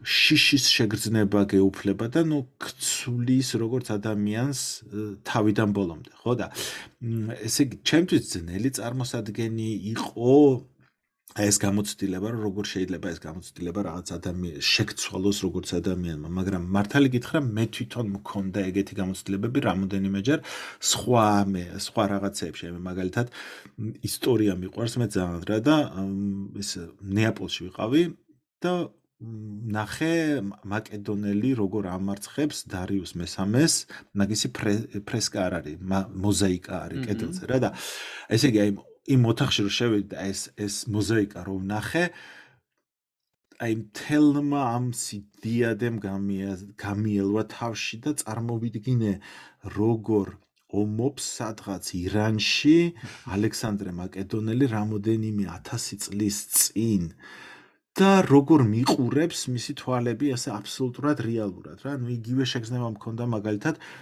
პირველად პომპეი რომ ნახე რა ან ან ტერაკოტას არმია რომ ნახე რა ანუ კი სურათები ნანახი გაქვს მაგრამ აი რომ შეხვალ და ნახავ აი უამრავ ათასობით ტერაკოტას ჯარისკაც. და და და წარმოიდგენ რამდენი 1000 წლის წინ მოხდა ეს ყველაფერი აი გზარავს რა. კიდე ერთი მქონდა მაგალითად ბაბილონის კარიბჭე ვნახე იმაში რა ქვია ბერლინში რა გიგანტური რაღაც არის. და ნახი გაკ ხო? კარგამოშა. აი მაგანაც შოქში ჩამაგდო. ხო და აი ეგეთი overview, mini overview ეფექტები და წარმომიდგენია დედამიწა რა დავინახო რა რა მექნება. ხო ნუ კარჩე ეს overview ეფექტი მეორე დიდი რამ არის და მესამე არის ასე ვთქვათ ასტრონავტული გამოცდილება რა. ანუ ან თავი რო იგრძნო ასტრონავტად კბილები გაიხეხო იმაში უწონობაში რა ვიცი მე ტუალეტში შეხვიდე უწონობაში დაიძინო უწონობაში სახე დაიბანო ტანი დაიბანო უწონობაში და ეს წყალი რომელიც იმას იმას ვერ ასველებ რა კანს ვერ ასველებ და წყლით და ნუ ეგეთი სასაცილო რაღაცები ანუ კოსმოსში ცხოვრების მუღამი. ეს სამი მუღამი არის ხო და ესე იგი ეს პირველი მუღამი უწონობის მუღამი რეალურად მიღწევადი არის აგრეთვე G0 G თვითფრინავით რომელიც სადღაც 8000 ევრო ღირს ხო და დაფრინავს წელიწადში რამოდენიმეჯერ, ანუ თვითონ რამოდენიმეჯერ დაფრინავს ამერიკიდან, რამოდენიმეჯერ ევროპიდან, შეიძლება 8000 გადაიხადო დაждდეს ეთ და ჰოპები აქვს რა, სადღაც 10-15 ჰოპი აქვს, 30 წამიანი, ანუ 30 წამიან უწონობას განიცდი, მე ისევ ადის ზემოთ, მე ისევ ბარდება და 30 წამიანი უწონობა გაქვს. ხო, მე თავიდან რა ვიცი მე მეგონა რომ ეს უწონობა იმიტომ არის რომ რაღაც სიმაღლის მერე დედამიწის გრავიტაცია თიშავს და სინამდვილეში კი არ თიშავს. უბრალოდ იმდენად მაღლა ადიხარ რომ იქიდან რომ ეცემი ხო? ჰაერის წინაღობა არ არის და ჰაერის წინაღობა რო არ არის ეცე კაფსულა ეცემა იგივე სიჩქარით რა სიჩქარითაც შენ ეცემი. ეს შემოწმეთ შენ გაქვს უწონობის შეგრძნება. ეგ არის და ეგ. სხვა სხვა რაღაც მაგია მაგაში არ არის. რომ უბრალოდ ვარდნის პროცესში იმყოფები შენ და შენი კაფსულა. ხო და აგრ არსებობს ეგ ხო და არის საბორბიტალ ტურიზმი რა, ანუ საბორბიტალ აა ნიშნავს იმას, რომ ორბიტაზე არ გადიხარ, უბრალოდ აგისვრიან და ვარდები ქვემოთ რა. და მაგ დროს გაქვს მაგას აკეთებს Virgin Galactic და Blue Origin, ანუ Jeff Bezos-ის აა Blue Origin-ის კი ამ მეცე იმას რა ქვია თვითონ თვითონ კაფსულას ქვია. ორა სახელი დამავიწყე. New Shepard, New Shepard, New Shepard. ხო, Blue Origins, New Shepard. ხო და New Shepard და Virgin Galactic-ის Virgin Galactic-ი არის ორივე სუბორბიტალური. სუბორბიტალური ნიშნავს რას, რომ შენ აა გაქვს უწონობა სადღაც 4 წუთიანი. აჰა. ორივეში და ორივედან ხედავ დედამიწას როგორც ბურთს, ხო? თან ყველაზე სასაცილო ის არის რომ რაღაც ატმოსფეროს რო ჩვენ ცას ხო ლურჯად ხედავთ, ხო? და ცას მხოლოდ იმიტომ ხედავთ ლურჯად, რომ ატმოსფერო ირეკლავს. ატმოსფერო რო არ ირეკლავდეს, ხო? აა ატმოსფერო რო არ ირეკლავდეს, კოსმოსიდან დედამიწა ჩანს, აი ესეთი მრგვალი ბურთი შავ ფონზე, აბსოლუტურად შავ ფონზე, იმიტომ რომ ცა რეალურად არის შავი. მიუხედავად იმისა, რომ ზე ანათებს, ხო? ატმოსფეროში არაფერი არ არის, რომ ეს მზის შუქი აირეკლოს, ამიტომ ჩანს შავად რა, რაც ძალიან ესეთი overview effect ძალიან აძლიერებს, ხო და ესე იგი შეგიძლია overview effect-ი მიიღო და 4 წუთიანი უწონობა. ეგ გაქვს იმაში, რა ქვია, Virgin Galactic-ში და New Shepard-ის Blue. ა თვითონაც ხარ დამფუძნებელმაც Virgin Galactic-ს ხო ხსულსა და ხმის წირო გამოსადა რეალურად ეგ იყო ხო? რომ გავიდა თვითონ თავისივე კი კი კი ორივე ჯერ გავიდნენ. აი ეს ეს ორივე ძალიან განსხვავებული რაღაცეები არის რა, ანუ მიუხედავად იმისა, რომ ერთ დაახლოებით ერთნაირი ექსპერიენსი აქვს რა, ანუ New Shepard-ი Blue Origin-ის არის ეს შედგება ბუსტერისგან, კაფსულისგან, თავზე აქვს კაფსულა, არის აბსოლუტურად ავტომატური და ესე იგი ბუსტერი ბუსტერი აიყვანს ამას შესაბამის სიმაღლეზე, ხო? აა სიმაღლე არის Shepard-ის შემთხვევაში 105 კილომეტრი. ხო და ამ 105 კილომეტრზე აიყვანს და თვითონ ბუსტერი ეგრევე ბრუნდება და ჯდება, ხო? აა და კაფსულა რჩება იქ და 4 4 წუთი არის ვარდნის პროცესში, ხო? გრავიტაციის უწონობის პირობებში და მე მერე იწებს რეენტრის, ანუ ატმოსფეროში შემოდის, სადღაც 5 კილო, არა, 3 კილომეტრის სიმაღლეზე ხსნის იმეებს, რა ქვია, პარაშუტებს და ჯდება ძალიან ძალიან ადვილად, ხო და ისინი აქვს, რა ქვია, უზარმაზარი ფანჯრები აქვს და შეგიძლია შიგნით, ასე ვთქვათ, იფრინო ამ 4 წუთის განმავლობაში და დინამიცას უყურო, ხო და ეს ბუსტერი, ხო, უფრო ადრე ავტონომურად ჯდება და ეს მთელი სისტემა ისე არის გაკეთებული, რომ არის მრავალჯერადი გამოყენების, თითქმის არ ჭირდება სერვისი, ანუ ძალიან მარტივი არის მისი სერვისი და აა რა ვიცი, ამბობენ რომ სადღაც 500-1000 ეღირება რა. და აა ეხა და Virgin Galactic-ი არის ძალიან საინტერესო რაღაცა კონცეფტი რა. აა არის შედგება ორი ნაწილისგან რა. ერთი არის White Knight-ი, რომელიც არის თვითფრინავი და Spaceship-ი, რომელიც არის თვითონ თვითონ რაკეტა, ხო? და White Knights აყავს ეს 18 კილომეტრის სიმაღლეზე თვითფრინავი, ამის მერე თვითფრინავი თვითფრინავისგან ხდება spaceship-ის გამოყოფა და spaceship-ი თვითონ მიფრინავს ზემოთ რა. ადის სადღაც 90 კილომეტრზე, 99.6 კილომეტრის სიმაღლეზე და იქ აქვს ეს 4 წუთიანი უწონობის გამოცდილება და მეორე ჯდება, ოღონდ ჯდება აა ჯდება არა როგორც არა პარაშუტებით როგორც ამას აკეთებს აა Origin-ი, არამედ როგორც თვითფრინავი ესე ჭდება და აქვს ხო და ყავს პილოტები. მაშინ როდესაც ბლორიჯინი არის აბსოლუტურად ავტომატური, ანუ ერთი ღილაკის დაჭერა ჭირდება და თვითონ აკეთებს ყველაფერს. აქ არ აქ საჭირო არის პილოტები, ხო? და New Shepard-ში ჭდება 6 კაცი, Spaceship Two-ში 8 კაცი ჭდება, მაგრამ ორი აქედან უნდა იყოს პილოტი რა, რომელიც რომელიც ამას მართავს ამ Spaceships, ხო? და Spaceship is ასულა Virgin Galactic-ის და ჩამოსვლა ჯამში 2 საათი გრძელდება და New Shepard-ის სადღაც 10 წუთი გრძელდება, ხო? აა Spaceship-ი სადღაც 250000 ღირს და ეს მეორე Blue Origin-ი სადღაც 500000. აი, ეგ არის ფასები რა. აა ეს ორი ტექნიკურად ძალიან განვითარებული განსხვავებული რაღაც არის. მაგარი რაღაცა ფაქტი არის ერთი, რომ არსებობს ეგრეთ წოდებული კერმან ლაინი რა, თუ გაგიგიათ რა, კერმან ლაინი გადის 100 კილომეტრზე სიმაღლეზე. არის პირობითი საზღვარი ატმოსფეროსა და კოსმოსს შორის. რა რატო არის პირობითი? იმიტომ რომ ეს კერმანი იყო უნგრელი მეცნიერი, რომელმაც ასე ვთქვათ, დაითვალა ის სიმაღლე, რომელზეც იმ დროინდელ თვითფრინავს თეორიულად შეეძლო ფრენა. ანუ იმაზე მაღლა თვითფრინავი ვერ ავიდოდა, ან თუ ავიდოდა ისეთ სიჩქარით უნდა ემოძრავა, რომ დაიწვებოდა. შესაბამისად ეს იყო თეორიული საზღვარი, იქ სადაც შეუძლია თვითფრინავს ავიდეს.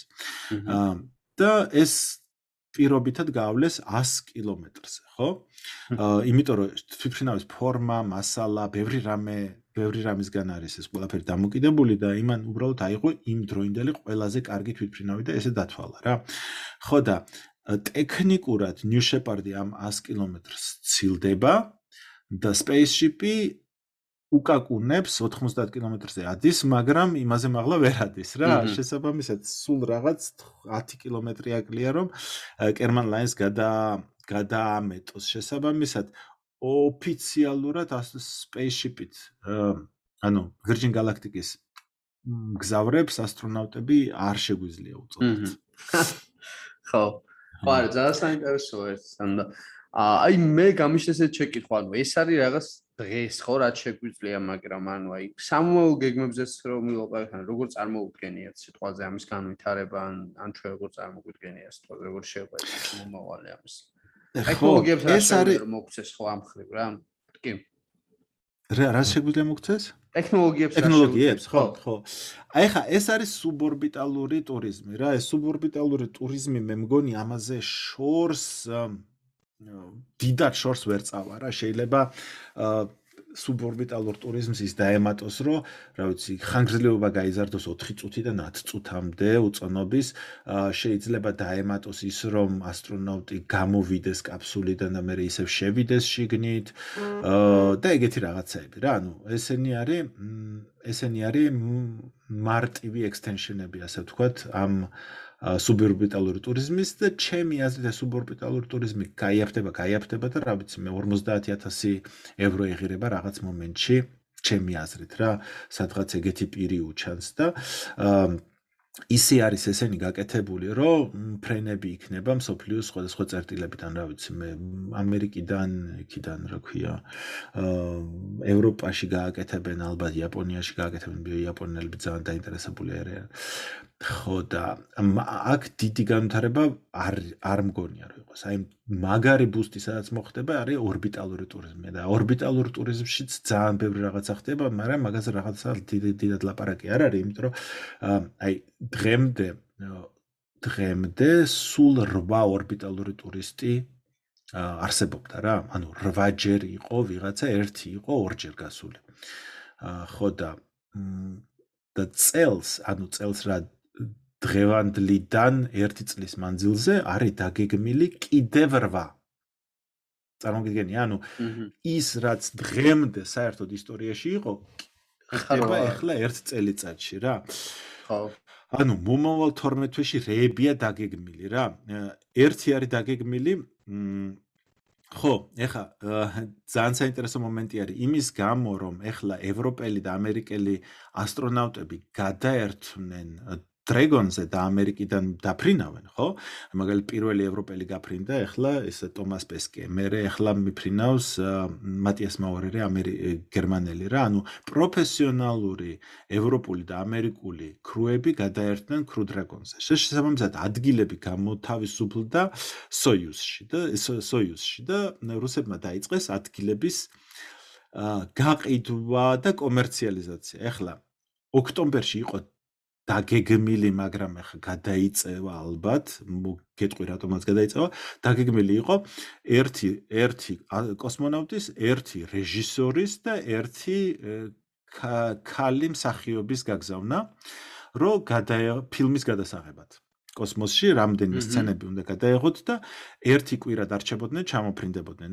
ეს იყო Soyuz MS-19 მისია. ეს Tom Cruise-ზე რომ ამბობდნენ პირველ უნდა გავდეს და მეორე რო თქვეს რომ რუსებმა ჩვენ დავასწროს, თუ მაგაზია ალბათ საუბარი. ხო, ხო, ხო, ეგ არის ზუსტად. ანუ რუსებმა Tom Cruise-ის ამბავი რომ გაიგეს, ვაიმე, ვაიმე უნდა გავფრინდეთ, გავფრინდეთო და MS-19. აი, ხო ხედავ, იგივე, იგივე ის არის რა, პატერნი ხო იგივეა, ხო გითხარი რომ როგორც კი გაიგებენ, აბა რა შეგვიძლია, რა სენსაცია შეგვიძლია დავდოთ ეს სენსაცია შეგვიძლია დავდოთ, ხო და დადეს სენსაცია. ეხლა ნახე, MS-19-ს მოყვება იგივე Soyuz-ზე მაქვს ახლა ლაბარაკი. ანუ ის ადგილები, რომლებიც გამოუთავისუფლად რაღაცნაირად უნდა დააკავონ, ხო? ადგილების დაკავება რას ნიშნავს? რატო რატო არის მნიშვნელოვანი? იმიტომ რომ ეს Soyuz ისედაც უნდა აფრინდეს და ჩამოფრინდეს, იმიტომ რომ Soyuz-ი უნდა გამოიცვალოს ყოველ რაღაცა პერიოდში, ხო? იმიტომ რომ იქ ზემოთ მისი ისა რა ქვია, საწვავი ორთქლდება და ეს და მომსახურების ვადა გაზდის და შესაძლოა Soyuz უნდა გამოიცვალოს, აგრეთვე მომარაგების თვალსაზრისით, ასტრონავტების გამოცვლის თვალსაზრისით სულ უნდა ავიდეს ზემოთ და შესაბამისად აქვთ თავისუფალი ადგილები და ეს თავისუფალი ადგილები უნდა გაყიდონ, ხო? და ეს MS9-ზე ეს ორი ადგილი ამ კინოს მიყიდეს, მერე გააკეთეს MS20 მისია, რომელიც სპეციალურად ამისთვის არის გაკეთებული, ანუ ერთი კოსმონავტი მიყვება და იაპონელი იოსაკა მიაცავა, ანუ ეგ არის იაპონელი ინვესტორი, მილიარდერი, რომელიც აკეთებს Starship-ში აკეთებს მილიარდების ინვესტიციას, ხო? აა შესაბამისად ეგ ადის მაგას ერჩივნა რომ ამერიკელები თასულიყო, მაგრამ ამერიკელებს სლოტი არ აქვთ უბრალოდ სულ არის overbooked არის, შესაბამისად მიყვება რუსებს და ესე იგი გამოგვივიდა 4 კაცი, ხო და ეხლა კიდევ 4 კაცი მიყვება აქსიომის მისიას. მე აქსიომზე აუცილებლად უნდა გითხრათ რა. ეს არის აქსიომ 1 მისია, 10 დღიანი მისია არის და აა ეს ყველაფერი არის დაფინანსებული ამერიკელი მილიარდერის მიერ, რომელსაც ლერი კონორი ქვია, რომელს რომელიც არის აი ექსტრემ ექსტრემუმების მოყვარული ტიპი, მაგას ის რა ქვია თვით თვითფრინა პილოტი არის თვითონ. აა კარ რეისერი არის, ოკეანის ფსკერზეა ჩასული, ну აი ესეთი ექსტრემი ტიპი არის, საკმაოდ ხანში შესული, ეგ აფინანსებს ყველაფერს, მიყავს თან პილოტი, რომელიც არის რომელიც არის SpaceX-ის თანამშრომელი. ხო, სხვადასხვა აქსიომს თავისი რაკეტა და თავისი კოსმოსური ხომალდი არ აქვს. იყენებენ Dragons. თან ყველაზე საინტერესო ისაა, რომ იყენებენ უკვე გაფრენილ Crew Dragon, Crew Dragon Earth, ანუ ის რომელიც კოსმოსში იყო 6 თვე, ხო, დაბრუნდა, ხო, და ეხლა ხელახლა უშვებენ მაგას, ხო? ხო და ეს არის აა შეიძლება შეიძლება შეიძლება შემეშალა შეიძლება ეგ არის inspiration-ი იყოს შეიძლება ეგ. იმიტომ რომ კიდე ერთი მისია არის inspiration 4 მისია რა. ხო და ხო და ეს აქსიომი აქსიომის დრეგონით არის, ოღონდ ფირმა აქსიომის მიერ არის ეს ორგანიზებული. ხო და ამ მილიონერს მიყავს ერთი პილოტი, ერთი ქალბატონი ექიმი და ერთი ქალბატონი იუთუბერი, რომელიც science communications აკეთებს და YouTube-ის ვიდეოებს წერს და ასე შემდეგ და ასე შემდეგ. ანუ ძალიან დიდ პიარიანი ისა რა ქვია, მისია იქნება, რომელიცაც ამ ლერი კონორის მუღამის გარდა კიდე აქსიომის აქსიომის რეკლამა დაევალება. ხო, ეხლა რა არის აქსიომი, ხო? ხო და ეგენი ავლენ იანვარში სადღაც 2021-ის ეგრე იყო ყოველ შემთხვევაში დაგეგმილი და 10 დღეს გაჩერდებიან რა. ხო და. აა აქს აქსიომზე მე მე მოგიყვები კიდე ცოტას ეხლა კიდე ერთი მისია არის რომელიც დაგეგმილი არის ერწელებული inspiration 4 რომელიც არის space რომელიც აგრეთვე იმით ხდება დრაგონით ხდება. ოღონდ ესენი ISS არ დაუკავშირდებიან, ანუ ISS-ზე დოკინგს არ გააკეთებენ, გავლენ კოსმოსში, აა 4 კაცი 3 დღით ორბიტალურ ფრენას ჩაატარებენ, ანუ ეს ასტრონავტის ექსპერიენსი ამათ არ ექნებათ, მაგრამ ექნებათ, ასე ვთქვათ, ექნებათ ჩაოლებრივი ორბიტალური ფრენა, ავლენ ISS-ზე უფრო მაღლა ავლენ. ანუ ISS-ი არის 480 კილომეტრზე, აა ესენი ავლენ 580 კილომეტრზე რა, ანუ 180 კილომეტრით კიდევ უფრო მაღლა ავლენ, ხო? და აქაც სიტუაცია დაახლოებით იგივე არის რა, მილიონერი მილიონერი ერთი ლატარით გა გათამაშებული ენთუზიასტი გათამაშება კი, გუც კი. გათამაშდა, გათამაშდა და ეს არის ვიღაცა მოიგო, რომელმაც მეરે ერთ იმას, რა ქვია, ენტუზიასტს აჩუქა, ხო? თვითონ არ დაიტოვა? და არ დაიტოვა რა, არ ვიცი, ვიღაც არ მომდა.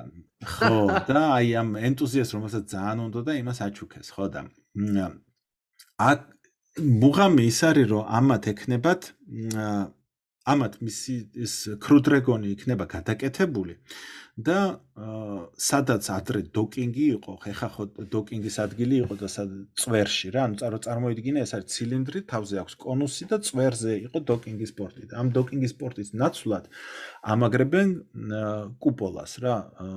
ანუ შუშის თაღია, რომ საიდანაც შეგიძლია გამოიხედო რა.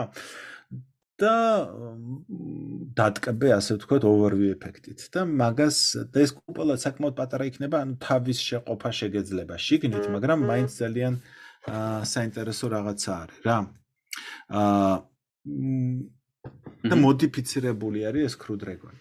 ხო და ეხა აქსიომს რო დაუბრუნდეთ, აქსიომს აქვს დაგეგმილი სასტუმროები. ხო, აი კიდეც ხალხი საინტერესო თემა ეს კოსმოსს სასტუმროს გაკეთება, ხო? ხო და ანუ ISS-ზე გამოყოფილი არის docking port-ი და უკვე დაგეგმილია და სამი მოდული შენდება სასტუმროსი რა, ანუ Axiom-ის სასტუმროები სამი მოდული იქნება, რომლებიც დაგეგმილი არის 2024-მდე, უნდა აფრინდეს და მიემაგროს ISS, ხო? ISS-თან მიმაგრება იმისთვის ჭირდება, რომ ასე ვთქვათ, ერთად რო ხალ კოსმოსში გადარჩენის ბევრად უფრო დიდი შანსი გაქვს, ვიდრე ცალკე როცა ხარ, ხო? აა ერთი ეს ერთი მოდული იქნება სამეცნიერო, ერთი იქნება საცხოვრებელი და კიდე იქნება ისა life support მოდული და crew და და კუპოლა ექნებათ მაგათაც. ოღონდ მაგათი კუპოლა ექნება ბევრად უფრო საინტერესო. ესე ვთქვათ, ესე იგი cover-ი ექნება კუპოლას და რო გაიხსნება ერთი მთლიანი ადამიანი ჩაეტევა ამ თაღში და შეძლებს ასე ვთქვათ ყველა მხრიდან ამ ექსპერიენსის მიღებას, ხო? და საერთოდ ISS-ის ISS-ის ექსპლუატაციის შეწყვეტა იგეგმება სადღაც 2024 წელს, ანუ 2024-მდე გვაქვს ფინანსირება, 2024-ის მერე არ გვაქვს ფინანსირება და მან რამოდენიმე სცენარი არის, ანუ შეიძლება აქსიომის სასტუმრო გამოიყოს ISS და ცალკე გახდეს, მაგიც არის შესაძლებელი. მეორე სცენარი არის, რომ ISS-ი და აქსიომი ერთად დარჩებიან და ერთ დიდ სასტუმროდ გადაკეთდებიან და საერთოდ ასე ვთქვათ მკვლევითი მკვლევითი მთლიანად კომერციული გახდება ASS-ი და კიდევ ერთი ვარიანტი არის რომ რუსები გამოეყოფიან ASS და რა ვიცი ASS და აქსიომი ცალკე დარჩებიან რა. მაგის ნიშნებიც არის იმიტომ რომ რუსებმა უფრო ინტერესი გამოთქვეს ჩინელების სადგურს სადგურთან შეერთებაზე ხო, მან თანამშრომ თანამშრომლობისიც არის ხო ჩინეთსა და რუსეთს შორის ხო მაგის პოტენციალი.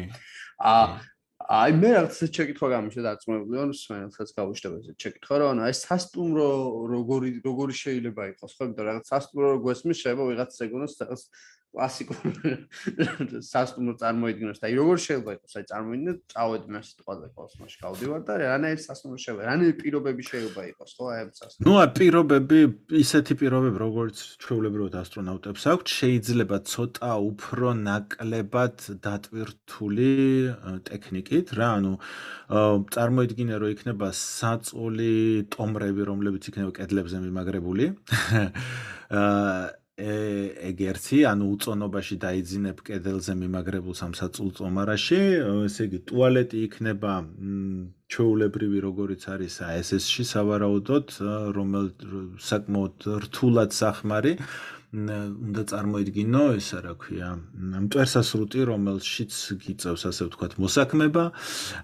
შხაპი სავარაუდოდ არ იქნება და ტილოებით იქნება დაბანა. ანუ საკმაოდ არასა არა ხუთვარსკვლავიანი სასტუმრო არ იქნება არა არა. არა აი კემპინგზე კემპინგზე უარესი იქნება ბევრად რა და ნუ მშრალი საჭმელი და ასე შემდეგ. ანუ დიდად დიდად კარგი პირობები არ იქნება სპეციალურ მომზადებას მოითხოვს, რა თქმა უნდა და ტრეინინგს. ანუ პირველი სასტუმროები აუცილებლად ეგეთები იქნება, ვერანაირად ვერ იქნება. ო, ფანტასტიკა, სამეცნიერო ფანტასტიკაში რო წარმოგიდგენია ხოლმე იქ რაღაც ყველაფერი როა სიტყვაზე იქ რაღაც სარბენი ცალკე რო არის და რაღაც და ჟაუზები და რაღაცები ხო არის რაღაც ფილმები. ნუ ესეც ნამდვილად არ იქნება. ხო ნუ სტენლი კუბრიკმა 2000 წელი ძალიან ოპტიმისტურად ივარაუდა არა ესეთი არ იქნება. სარბენები რა თქმა უნდა იქნება და სავარჯიშოები ოღონდ ნუ თუმცა არა ისეთი როგორც კუბრიკის ფილმში რო არის ხო? არა ესეთი როგორც კუბრიკის ფილმში ხო.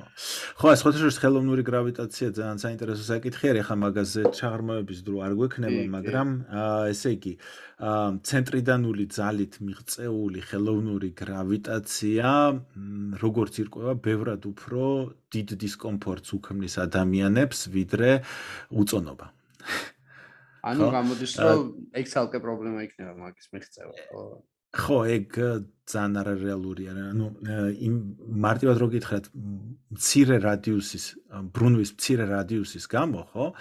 ესე იგი, გრავიტაციის სიძლიერე არის სიმაღლის სიმაღლის კვადრატის პროპორციული. ანუ რას ნიშნავს, რომ შენი ფეხები ბევრად უფრო მძიმეა ვიდრე თავი და ხელი, როდესაც შენ ჩაწუცკული ხარ, უფრო მძიმეა ვიდრე როდესაც ვერტიკალურად გეხარ. ეგ ერთი პრობლემა, ანუ ეგ იწევს ძალიან დიდ დისკომფორტს შენს ტვინში რა, იმიტომ რომ შენ შეჩეული ხარ ჰომოგენურ გრავიტაციულ ველში ყოფნას რა. ეგ ერთია და მეორე არის ბრუნვის გამო, არის კორიოლისის ძალა, რომელიც არის იმდენად ძლიერი, რომ მაგალითად შენ ბურთს პირდაპირ როისრის ის იმაზე რა ქვია, მრუდზე მიფრინავს. აჰა, აჰა. ხო. და მაგის შედეგად იქ აი შენ twins ძალიან უჭირს იქ მოძრობა ნავიგაცია რაღაცების აღება საჭმლის პირთან მიტანა ელემენტარული ამოცანები უძნელდება twins და შეჩვევა სჭირდება დიდი დრო კვირების განმავლობაში და ძალიან დიდ დისკომფორტს იწვევს, ბევრად უფრო დიდ დისკომფორტს ვიდრე მაგალითად იგივე აა იგივე ისა რა ქვია. კი ბატონო. უწონობა. აი მოკლედ რო შევაჯამოთ და რაღაც ბოლოსკერო წავიდეთ, აი რაღაცა აა აი ამ კუთხით რომ დავასრულოთ, ხო რაღაც ვისაუბრეთ რეალურად დაიწყო ეს ყველაფერი მეორე მსოფლიო ომის პერიოდიდან, ხო და თუმცა იმის მერე სიტყვაზე მეორე მსოფლიო ომის მერე, ხო, ნუ სადღაც გავიდა უხეშად რო ვთქვა 80 წელი დაახლოებით, ხო? ანუ რეალოდ 80 წლის შემდეგ, როდესაც ადამიანებს რაღაცა ეს რაკეტები წარმოედგინათ, რაღაც ქალაქის მეორე ქალაქი უნდა დაებომბათ ან ომში გამოეყენებინათ, დღეს მივიღეთ ის რეალობა, რაზეც ახლა ბოლოსკენ ვისაუბრეთ, ხო, რომ ადამიანებმა სიტყვაზე ფაში კოსმოსური სასტუმროზეც არის საუბარი, ხო? და აი ბოლოსკენ რო წავიდეთ და რო შევაჯამოთ მოკლედ ეს პერიოდი, აი უხეშად რომ ვთქვა, აი რას შეიძლება მოესწროს მაგალითად დღევანდელი თაობები, აი უხეშად ისე სადღაც 40 წლის განმავლობაში, 50 წლის განმავლობაში, ანუ მაქსიმუმი რა შეგვიძლია, როგორ წარმოგიდგენია, რას მოვესწრებით ამ ხრევ, ხო? ანუ როგორი შეიძლება იყოს ჩვენი კოსმოსური ტურიზმი რაღაც 50 წლის განმავლობაში და მე მგონი ამის ფონზე შეგვიძლია დავასრულოთ ნამდვილად. აი ძალიან მიჭირს მე პროგნოზების გაკეთება, იმიტომ რომ ჩვენ ისეთ სამყაროში ცხოვრობთ, სადაც განვითარება ექსპონენციალური სიჩქარით ხდება რა. ხო და ესე იგი მე წარმომიდგენია, რა ვიცი, ორი სცენარი წარმომიდგენია. ერთი სცენარი ის არის, რომ ადამიანი მართლაც ასე ვთქვათ, წავა მთვარეზე, ბაზას გააკეთებს მთვარეზე, ის რა ქვია, ორბიტალური და სუბორბიტალური იქნება ტურისტებისთვის ღია, ანუ რა ვიცი, მე შედარებით შეძლებული ჩაოლებრივი ადამიანები შეძლებენ ორბიტაზე გასვლას და სუბორბიტალური ხო საერთოდ და ეგ ერთი და მთვარეზე ჩავლენ და მთვარეზე იქნება მთვარის დაყოფაზე იქნება რა ვიცი ჭიდილი ჩემი აზრით. ძირითადად ჩინეთსა და ამერიკას შორის იმიტომ რომ მე არ მგონია რომ აა იმას კონდეს რა ქვია რუსეთს მაგის რესურსი იყოს. ინდოეთი და იაპონია არიან დამეგობრებული მთვარის საკითხში და მან შეიძლება ეგენიც ვნახოთ მთვარეზე და რა თქმა უნდა ამერიკელები და ჩინელები მარსზე ჩავლენ ადამიანები და ჩამოვლენ უკან. ეგ არის ერთი სცენარი და მეორე სცენარი არის ის რომ ადამიანმა პრინციპში დაკარგოს ინტერესი კოსმოსის, იმიტომ რომ ესეთ ჰაიპებს ყოველთვის მოყვება ხოლმე მე ჩავარდნები რა, არ არის გამორიცხული რომ რამოდენიმე უბედურებამ, კატასტროფამ, წარუმატებლობამ, რა ვიცი, ეკონომიკურმა ფაქტორებმა ის განაპირობოს, რომ ადამიანებმა დაკარგონ ინტერესი კოსმოსში თვითონ ადამიანების გაგზავნის და ძალიან ბევრი, ასე ვთქვათ, ავტომატური მისიები ვნახოთ რა. ანუ აა რა ვიცი, რობოტების გაგზავნა და ვირტუალური რეალობის გამოყენებით მარსისა და მარსისა და მთვარის ათვისება.